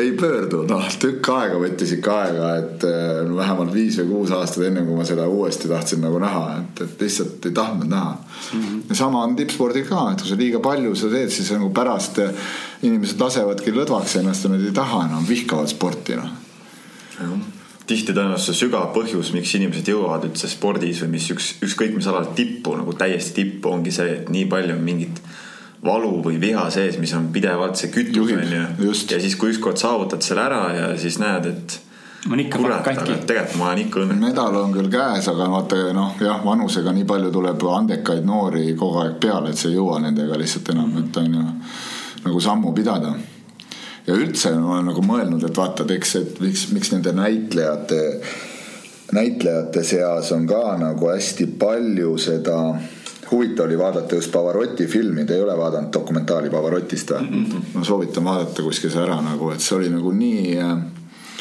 nii äge, inspireeriv film selles suhtes, et, et ega tema ka vaata, et ta ütles välja, et nii kui ma mingit tunnet tunnen see tõmbab mu diafragma ja noh, põhimõtteliselt kõik tunded meil ongi seotud kõhu, kõige rohkem kõhuga ja diafragmaga, sest siin on see esimene kokkutõmme, et kas sa nagu lased selle välja endast, et lubad olla sina ise või sa hakkad kontrollima kõhuga, lihaste hoidmisega ennast ja tõmbad sellega nagu diafragma ka pingesse ja siis diafragma on sul hästi kontrollitud. Ja tema samamoodi ütles, et et äh, nii kui ta nagu tundlikuks muutus, siis tal läks nagu see maht läks ära, tal ei olnud enam seda nagu kõla taga sellel häälel.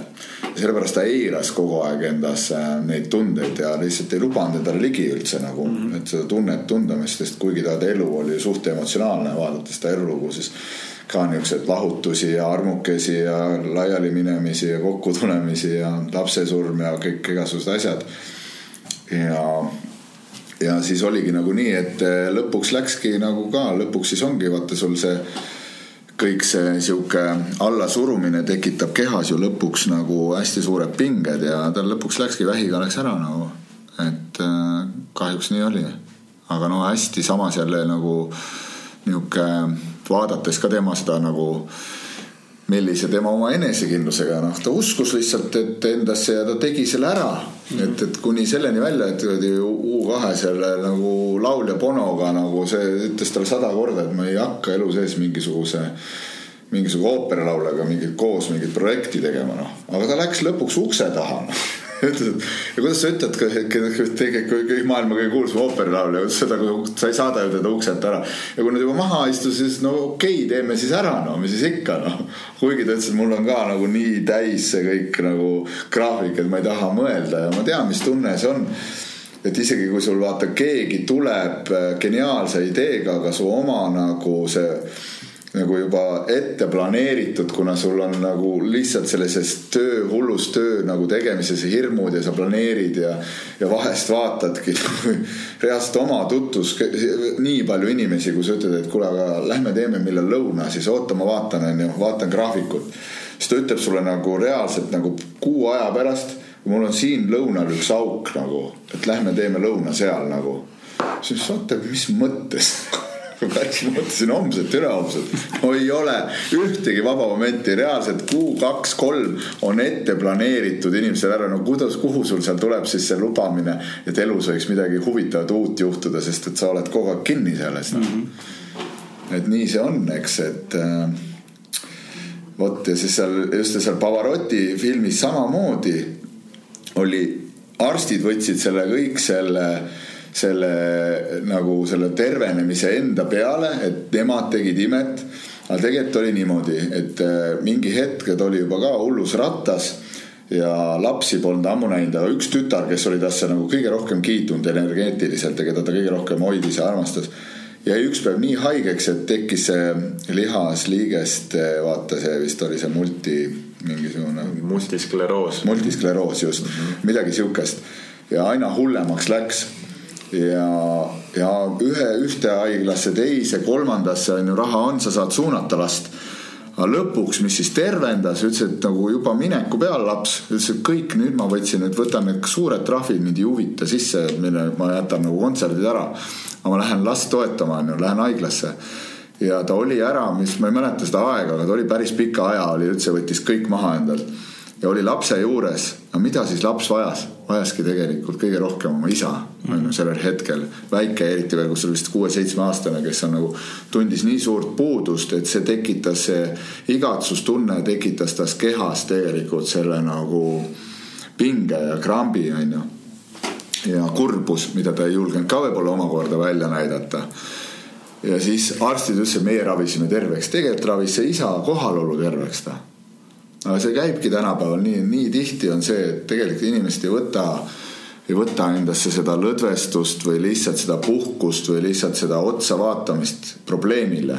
et vähi, vähiteemad samamoodi, ega vähi, vähi taga tihti ongi kas lapsepõlves tekkinud traumad, mida sa oled aastakümneid kandnud lihtsalt ja, ja sa ei ole seda endast välja elanud ja ja see on tekitanud sulle teatud kehapiirkondadesse nii suure pinge ja see pinge tekitab happelisust ja happelisus tekitab vähki. ja see asi on nii lihtne, aga arstid noh, nüüd on hakatud sellest rohkem rääkima kuni aluselise vee joomisest ja jätkegi kohvi ära, kui te olete haige. ärge jooge kohvi, ärge jooge happelisust sisse endale veel rohkem, vaid loobuge, midagi ei ole teha, ega ma ise ka, mulle ka meeldib kohvi, aga vahest ma tunnen ma saan kohe aru, kui mul sees hakkab kõrvetama, sest nüüd on see aeg, kus tuleb paus teha kohviga nagu, et kuigi ma joon vähe, ma joon üks, maksimum kaks tassi vahest päevas mm. -hmm. aga nüüd ma olen teinud ka paar nädalat, olen lihtsalt võtnud maha. Ei joo sellepärast, et ma tunnen, et keha ütleb ammu karjub juba. ja miks ma siis enda kehale vastu ei, ikka joon, mis siis, et kõrvetab, ikka joon kohvi, sest et see äratab mu üles, onju ja, ja nii on, et noh, üldse nagu vaata, mis tänapäeval toimub, et kui sa korra teinekord ka, et lähed äh, kohvikusse, jälgige lihtsalt, mis inimeste kehad nagu teevad, et kuidas nende käed-jalad on ju. lihtsalt vaatle, oled kohvikus, vaata, kuidas inimeste, jalad käivad või naistel ka noh, lihtsalt naerma ajab noh, lihtsalt niimoodi jalg ise on nagu loeb lehte on ju ja jalg käib niimoodi noh. aga ilmselgelt sa saad aru, et sellele inimesele, kui ta ütleb, et kõik on hästi, et siis ei ole ju. et sees toimub sihuke möll, et keha lihtsalt ei suuda enam kontrollida mida sa nagu teed, et, et ja, ja sealt edasi noh, kui siit veel minna kuni selle meeste terviseni välja just, kui me siin nagu meestesaade juba on, et sealt tulevad ka kiired seenepursked ja, ja üldse see nagu, et sul see kiire lõõgastumine, sest et su keha on nii stressis, et sa ei jaksa isegi kaua, sa ei tahagi enam mingit hella seksi, vaid sa tahad nagu kohe ära pursata ja magama minna, noh, sest et sa oled nii, nii endast, nii endaga nagu pahuksis ja sa ei suudagi rahulikuks jääda ja hingata ja lõdvestuda ja kontrollida enda, üldse enda nagu orgasme, sellepärast et äh, su keha lihtsalt vajab sellest, muidu sa saaks infarkti lihtsalt teisel juhul, noh, kui sa seda ka ei teeks, noh. nii on. muidu ma korra täpsustan ka, et sa võib-olla ei tea, aga et see saade ei ole ainult meestest. See pealkiri Ausad mehed äh, Okei. tegelikult käib minu ja Martini kohta, meie oleme ausad aa, mehed, okei, kes okei, vestlevad ma mõtlesin, et see ausalt meestesaade me räägime on. tegelikult, kontseptsioon on päris lai Aa,, ütleme seitsekümmend protsenti kuulajatest saan tegelikult aru naised., no muidugi, sest neile meeldib ju No kuulata, kuidas mehed mõtlevad. aga, aga mul on siin küsimus. kell on Seksi teemast võiks rääkida küll tegelikult. kell on null kaheksa, meil on umbes viisteist minti aega Nonii, ja me oleme sinuga täna vestelnud äh, tund kakskümmend kaheksa. Juba? Vau. Seega räägi, kuidas olla tõeline mees, kuidas võiks üks tavapärane mees jõuda enesearengus järgmisele tasemele ja samuti räägi ka püsisuhtest paralleelselt. kuidas mees saab olla üldse ise parem mees, kuidas olla suhtes parem mees naisele ja, ja põimi ka seks sisse muidugi äkki mm. -hmm. palju küsimusi, aga no ma arvan, et vaata, et, et kõige olulisem, et, et hakka võtma seda kasvõi väike, väike, väike tibusammu haaval, et võta mingigi asi, hakka midagi tegema teistmoodi, et enesearengukursust või või, või tegema midagi, mis on sinu tervise huvides, et kas siis võta mingi enesearengu kursus, käi seda teadlikkust tõstmas, käi uuri, mis asjad emotsioonid on, kuidas Villito teeb siin, vaata, teeb hästi ja Ville Jehe on ju, räägivad lahti või siis hakkab venitama oma keha, et see või hakka lõdvestust tooma kehasse, käi looduses rohkem, et päriselt võtagi aega, et nädala lõpus mine, ära mine lukshotelli, mine loodusesse noh mm -hmm. mine võta see päev, et ära jää ööseks, aga mine veeda terve päev, võta endale varud kaasa, mine käi, Eestimaal on nii ilusaid paiku. kõik need RMK rajad, noh, see on lihtsalt imelisi kohti on olemas. käi rabas ujumas, hakka ennast karastama hommikuti, tule sellest mugavustsoonist välja. Mina juba peale seda Wim Hofi meetodi nagu läbitegemist ja jäävanni, et hakkasin samamoodi, see tõi hästi palju mulle teadlikkust meditatsiooni juurde nagu, kuidas ennast vaatlema hakata. Et sa õpid vaatlema läbi selle külma, et sa lähed sinna külma ja sul ei ole seal muud valikut kui sellel hetkel, kui sa selle, selle jääkuubikute sees oled, sul on ainuke võimalus lihtsalt vaadelda, mis su kehaga toimub ja lõdvestuda sinna, sest et keha ja meel ja kõik ütleb, et karjuvad, et kuule, et davai, et tõmba siit ruttu välja, sest sa lihtsalt külmud reaalselt ära, noh. aga kui sa õpid selle lõdvestuse, siis see, see, see kõik kandub ka sulle igapäevaellu. nii kui sa tajud pinget, sa hakkad märkama seda pinget ja sa hakkad eh, nagu teadma, et nüüd on piir käes, et nüüd on vaja aeg maha võtta, et mis iganes et see raha ei ole seda väärt, et ma enda tervisega nagu pahuksisse lähen, et ja, ja perega ka ütled, ütledki välja, nüüd on nii, et praegu te, võtame rahulikult. et ja sa hakkad nägema, kus see rahulikult võtmine ei muutu mitte midagi, tegelikult kõik asjad toimivad samamoodi edasi. aga su enda see närviline energia toodab kogu aeg seda nagu kiirust veel juurde ja seda, mida rohkem närvilisem sa oled, seda kiirem sul see elu tundub kogu aeg ja sa ise oledki selles energias ja sa kutsud seda energiat ligi ka aga mis meil seal veel oli siis, et äh, oot, korda, korda mulle veel seda küsimust, et äh, võid äh, võib-olla, kuidas mees saab olla suhtes. suhtes parem mees ja ka seksuaalselt läbi seksuaalsuse kuidagi mm -hmm. parem ausalt, just nimelt just seesama, just seesama nagu võib-olla see te- teema ka, mis meil oli No, no, saates, et ei ole see pornolik kepimine mm, -hmm. vaid ausus ausus päriselt see, ma arvan, et käigegi seda tsirklingisse, käige kogege seda ausust, et ükskõik kui hull, ükskõik kui hull olukord toimub, ükskõik kui äh, ebamugav toimub, tundub teile see hetkesituatsiooni väljarääkimine, et hakake välja rääkima päriselt ka, et see nii tervendab, see on nii vabastav ja, ja midagi ei ole teha, ükskõik, noh, mina saan enda koha pealt, aga naised samamoodi, et teie samamoodi rääkige välja, ärge kartke, et teid maha jäetakse, kui te aus olete, ärge kartke öelda meele välja, et et see seks ei sobi teile nagu, mis praegu toimub, et, et, et teeks midagi teistmoodi.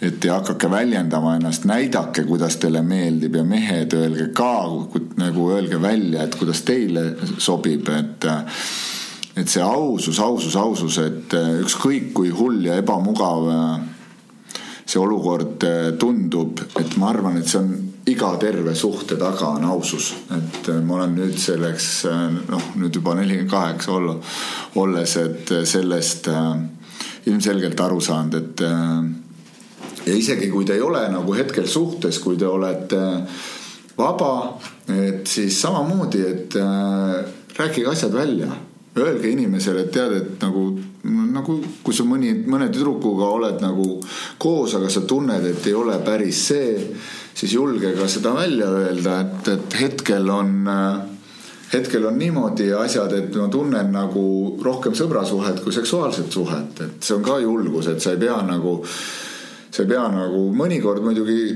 noh, on olnud olukordi, kas, kus, kus need asjad lahenevadki ise nagu vastastikuse nagu niisuguse ma ei tea, äratundmise mm -hmm. baasil siis ära.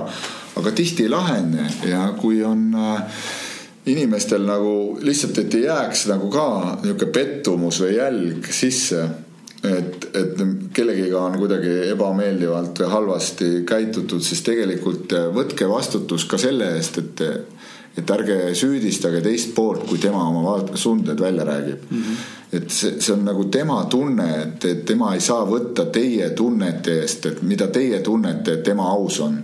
et ta ei saa võtta selle eest vastutust et see on küll ebamugav talle ka ja teile ka tekitab kindlasti ebamugavust, aga ma arvan, et see on üks olulisemaid asju, et inimesed hakkaks nagu aru saama sellest, et need on teie tunded ja tihti need valud ja haavad ja kõik tekivad ja need on meil nii pikad asjad sees, et need on kuskilt lapsepõlvest või mingist eluperioodidest sisse jäänud hirmud, et me ei julge rääkida, et kuna sa kunagi oled võib-olla midagi ausalt välja rääkinud ja sind on selle eest karistatud või sind on selle eest maha jäetud või või, või ei ole sind aktsepteeritud sellepärast ja see kannab sind terve elu. aga mis siis, et see ükskord oli, ega siis see terve elu ei jää sind see kandma, et pigem kui sa jääd hirmust kokku kellegiga või sa ei julge jääda iseendaks, siis see varem või hiljem see asi läheb nihuks, noh. et, et see roosa manna maskis elamine, eriti vaatad, et äh, et tihti noh, inimesed, kes kokku saavad, alles on nagu nii värske asi, nädal, kaks, kolm juba kihlutakse juba kõik leivad ühte kappi, no kurat, laske olla natuke aega. et päriselt vaadelge üksteist ja õppige nagu süvitsi tundma. et, et, et see tegelikult see maski kandmise aeg on päris pikk, noh, öeldakse isegi kaks-kolm aastat võib, suudab inimene on ju seda nagu hoida. aga siis ta väsib ära ja siis te pärast imestate, et see, kes see inimene on, et ta oli ju nii nunnu, ta oli ju nii armas, aga nüüd on kõige suurem vihapaanane, kõige retsim inimene mu elus on ju. et kust see siis äkki tuleb, et see näitabki seda, et see lihtsalt, see on kogunenud, kogunenud, kuna te ei ole päris teie ise olnud, et mõlemad hirmud. et minu jaoks on üks nagu üks niisuguseid äh, hästi silmi avavaid raamatuid on Osso hirm mida praegu, ma olen teisi hirmuraamatuid ka lugenud, aga just Osso kirjutab nii selgelt ja hästi lahti selle. et vist poes seda enam müüa ei ole millegipärast, raamatukogudes saab ja Osso armastus, Nekrassovi mees ja naine. Need on niisugused nagu ülitõesed ja ülirealistlikud raamatud suhetest üldse nagu, kus ta nagu kirjutatakse nii puust ja punaseks, et isegi kui kolmnurgad tekivad, et kuidas nendest läbi minna ja mida sellest õppida, et iga kolmnurk eh, mingisse suhtesse tekib sellepärast, et kuskil on puudujääk järelikult nagu mm. -hmm. et kunagi ei teki kolmnurka siis, kui puudujääki ei ole noh, et järelikult on kuskil lappama läinud, järelikult ei saa see naine, kui ütleme, tekib naisele juurde, et see naine ei saa sulle mehega nagu aus piisavalt olla või on siis mehel tekib, siis see naine ei ole piisavalt, ei, ei suuda nagu tema soove ära rahuldada, ei suuda tema jaoks seksuaalne olla, et on ka liiga mingites asjades kinni. või lihtsalt on mingist hetkest ennast oma keha ära sulgenud, kuna mees ei ole seksuaalselt temaga õieti käitunud, onju.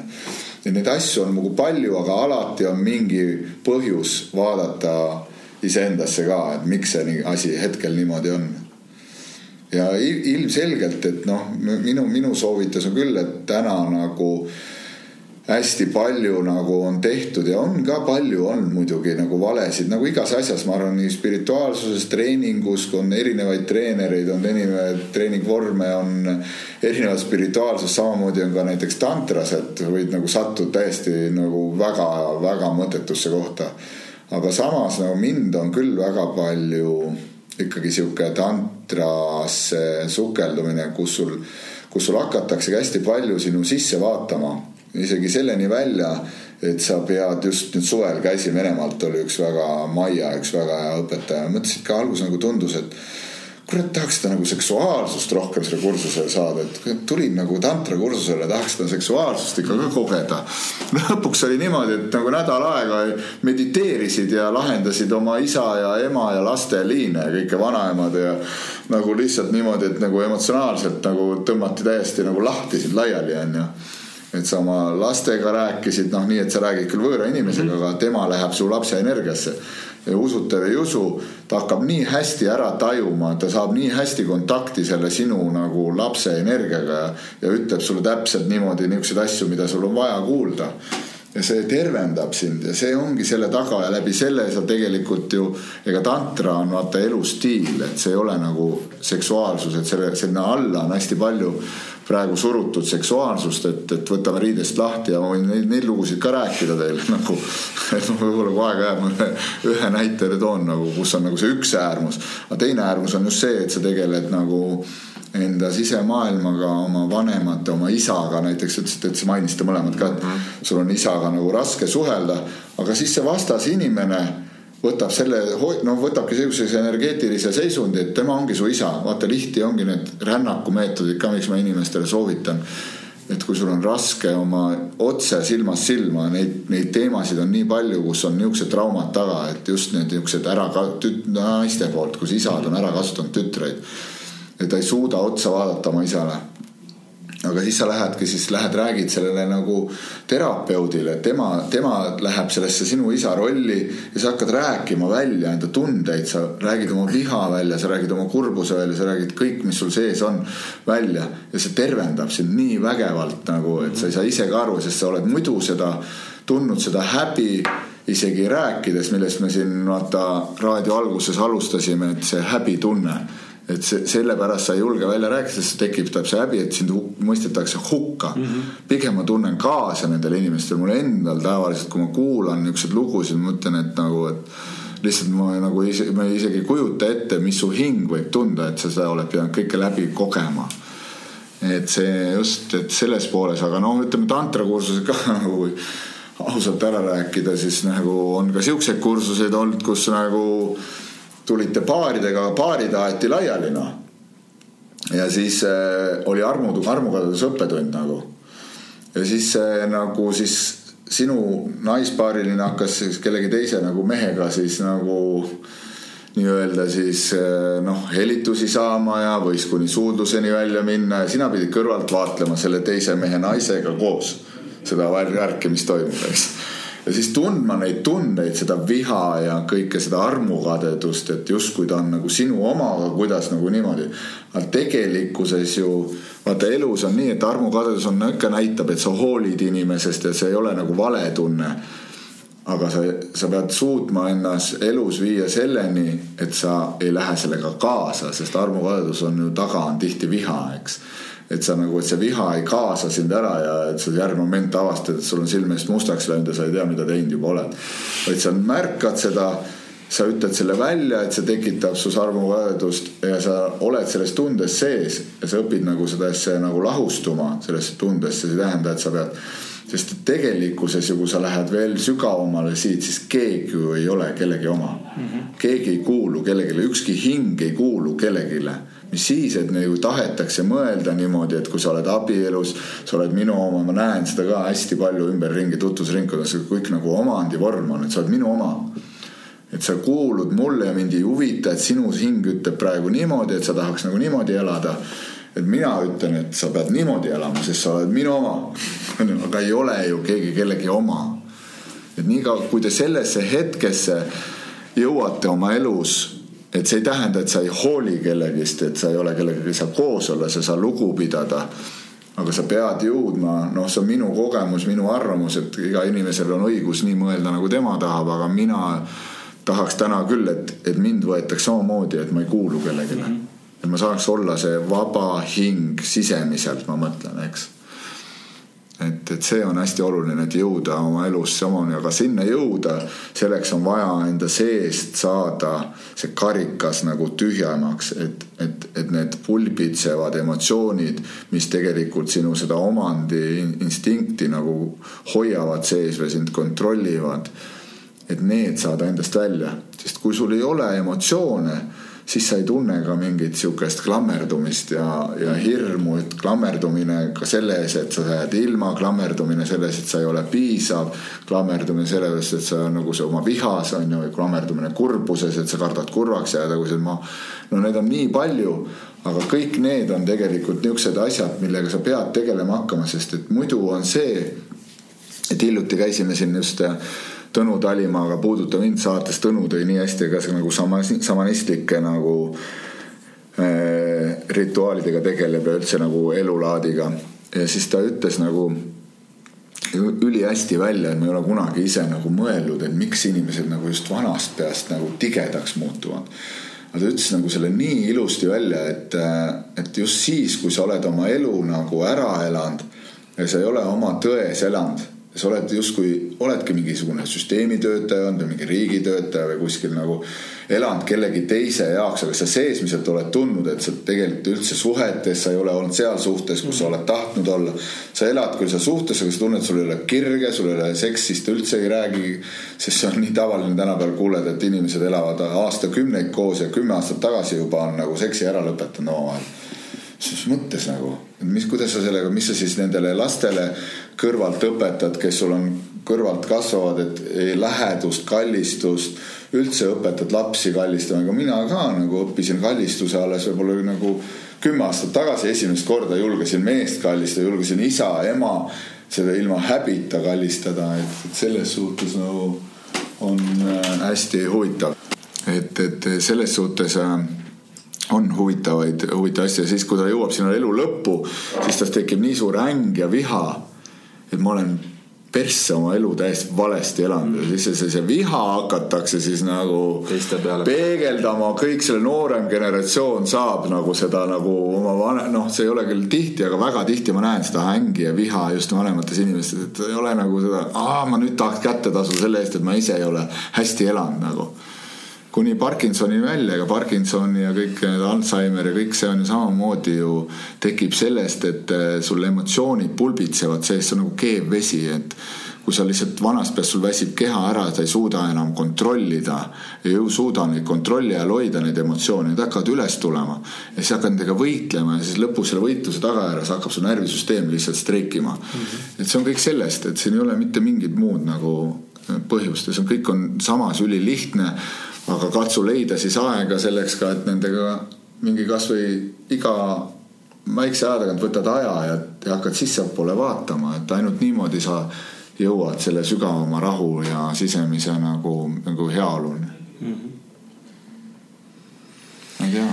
väga vinge, väga vinge, aitäh sulle. kahjuks hakkab aeg otsa saama jah no tore, et kuidagi ma tulistaks selle edasi siin nagu nagu. see ongi tihtipeale. et hakkab hoog sisse tulema, onju ei tore, et oli ja vaata, see ongi see, see usaldus ja, ja see, et, et mis me ennem ka, et me ei jõudnud selleni, et vaata, kui me neid seminare ka nagu tegime, siis meil olid ka igasugused noh, tuntud näod ja tegijad, kes tulid ja kes olid harjunud projektoritega ja kava on ees ja et sa räägid nagu mingit süsteemi, et sa õpid nagu selle, enda selle teksti enam-vähem selgeks ja pähe ja ja siis, kui sa äkki ütled, aga proovi teistmoodi nagu mine lavale ja proovi nagu nii, et ära, ära nagu võib-olla mingid teemad on ju, sa mõtled enda jaoks läbi, aga vaata, mis juhtuma hakkab, on ju, laval.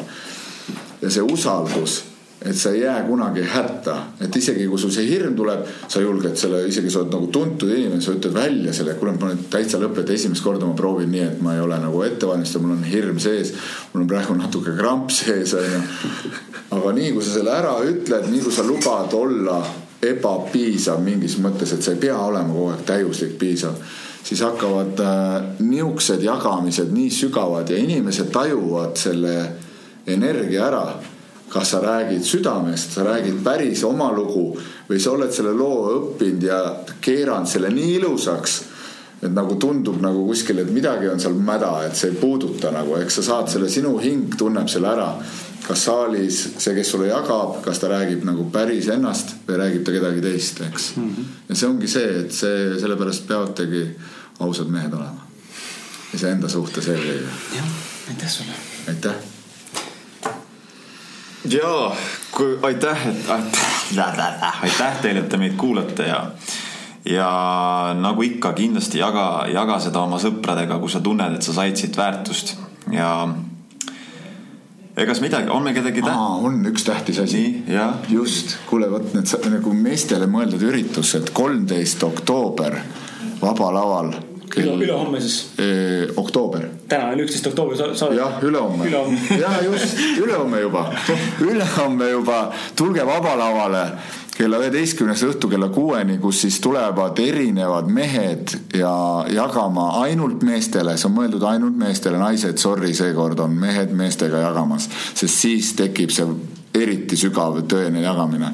Vaba laval ja tulevadki jagama, nii nagu mina jagasin täna mingit osa oma elust, et ma seal siis jagan mingeid muid asju ja tulevadki jagavad oma seda olemust, oma aeg, aega, räägivad lahti, et kuidas nemad leiavad aega iseendale iga päev ja miks nad seda võtavad ja, ja seal hästi huvitavad Alar Tamming, Alar Ojastu, Raivo Johanson, Marek noh, Mareki perekonnanimi nüüd unus ära ja mina ise jagan ja siis üks väga äge mees Kanadast, kes on juba oma elu väga pikalt elanud ja kellel on nii kirev elu olnud ja, ja kellel on hästi palju just, see mees näeb välja ise nagu puhas armastus, et ta lihtsalt liigub ringi ja sa hakkad vaatama, et kuidas üks mees saab nii õnnelik olla nagu ja sa, sa näed, et see ei ole võltsõnnelikkus et tulge kuulama ja te, noh, me oleme ühe korra seda teinud, eelmine aasta oli nelisada viiskümmend meest olid koos nagu.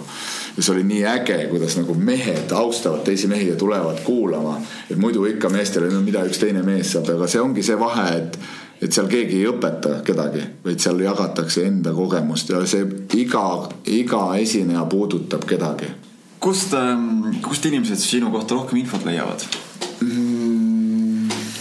Facebookis või? Facebookis äh, ma ei teagi, kes tahab äh, tahab leida, see leiab alati Facebooki kaudu üles ja eks mul ongi nüüd plaanis teha ka, et ma ei tea, see coaching on nii vale sõna.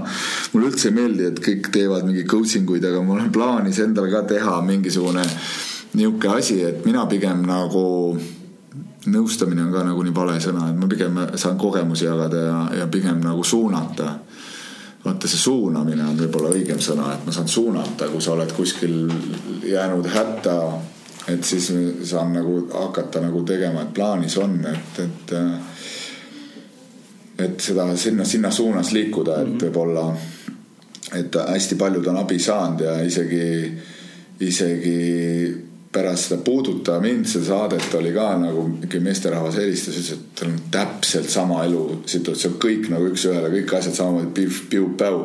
aga ta on nii puntras omadega, ta ei tea, kuidas sealt välja tulla, onju. ta ütles, no okei okay,, et aga siis äh, lihtsalt äh, saame kuidagi kokku ja proovime nagu lahendada või annan sulle nagu, saan sind võib-olla suunata, et sa mm -hmm. nagu hakkaks õiges suunas liikuma, nii palju kui minu elukogemusel seda nagu saab teha, eks ja teile ka, et ma hea meelega nagu, kuna te teete nii ägedat asja, et teid tunnustada, siis äh, omalt poolt äh, tahaks teid mõlemaid kutsuda nagu panen teid listi ja tulge seminarile.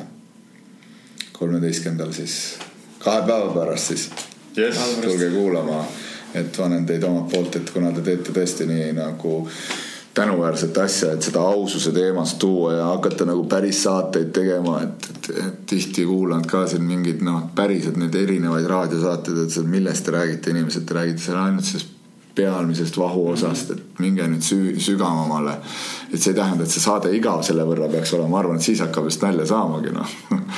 et, et kui inimesed tulevad ja ütlevadki nagu, et kuule, et mis need kehvemad päevad siis ette toovad või et kuidas sa nendest aukudest välja tuled ja ja, ja, ja mis iganeski, et isegi kui keegi, kes on suhtes, ma ei tea, palju neid on, neid munadega mehi, kes julgevad ka nagu välja öelda, et kuule, et olen küll petnud oma naist, et lihtsalt on mees olemuses vahest on nii, et lained löövad üle pea ja kirg lööb üle pea ja lihtsalt juhtub noh, aga ütles, julges ta ka naisega, naised, kes on nagu teadlikud naised, need ka kuulavad mehe ära ja, ja mõist, kui seda just ei juhtu nagu iga nädalavahetusel kui sa oled nagu südames, siis sa nagu kuulad ära ja proovid mõista, väljendad ka enda tunnet, mis su sees tekkis, onju.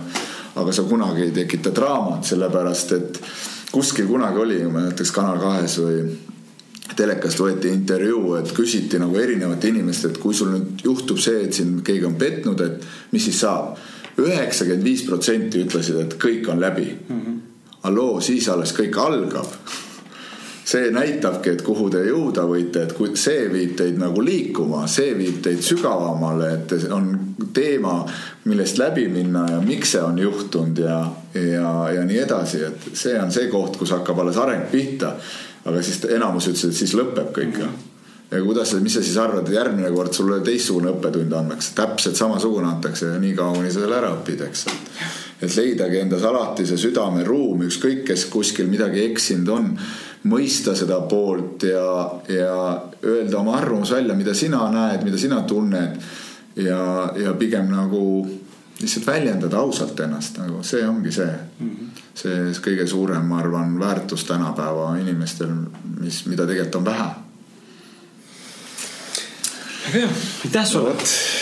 ja järgmine kord, järgmisel üritusel siis meestest meestele paluks mind, Martinit siis lavale ja, ja, ja, ja lava hirmust läbi. lava hirmust läbi saada jah, aga okei okay,, tõmbame otsad kokku, sest et juba jookseb sisse tegelikult meie järgmisesse saatesse ja ukse taga olev inimene raudselt on äh, juba kibeleb ka rääkida nagu sinagi. just, teil tuleb veel, veel üks saade otsa jah oh,. ja, ja, ja aga aitäh sulle. ukse taga juba või? ma arvan, et ta on siin jah, aga mhm. aitäh sulle. aitäh teile, et kutsusite, väga tore, et te kutsusite. ja, ja meie kohtume teiega juba järgmisel reedel, kui mitte varem. äge. tšau kuulake seda saadet, see on seda väärt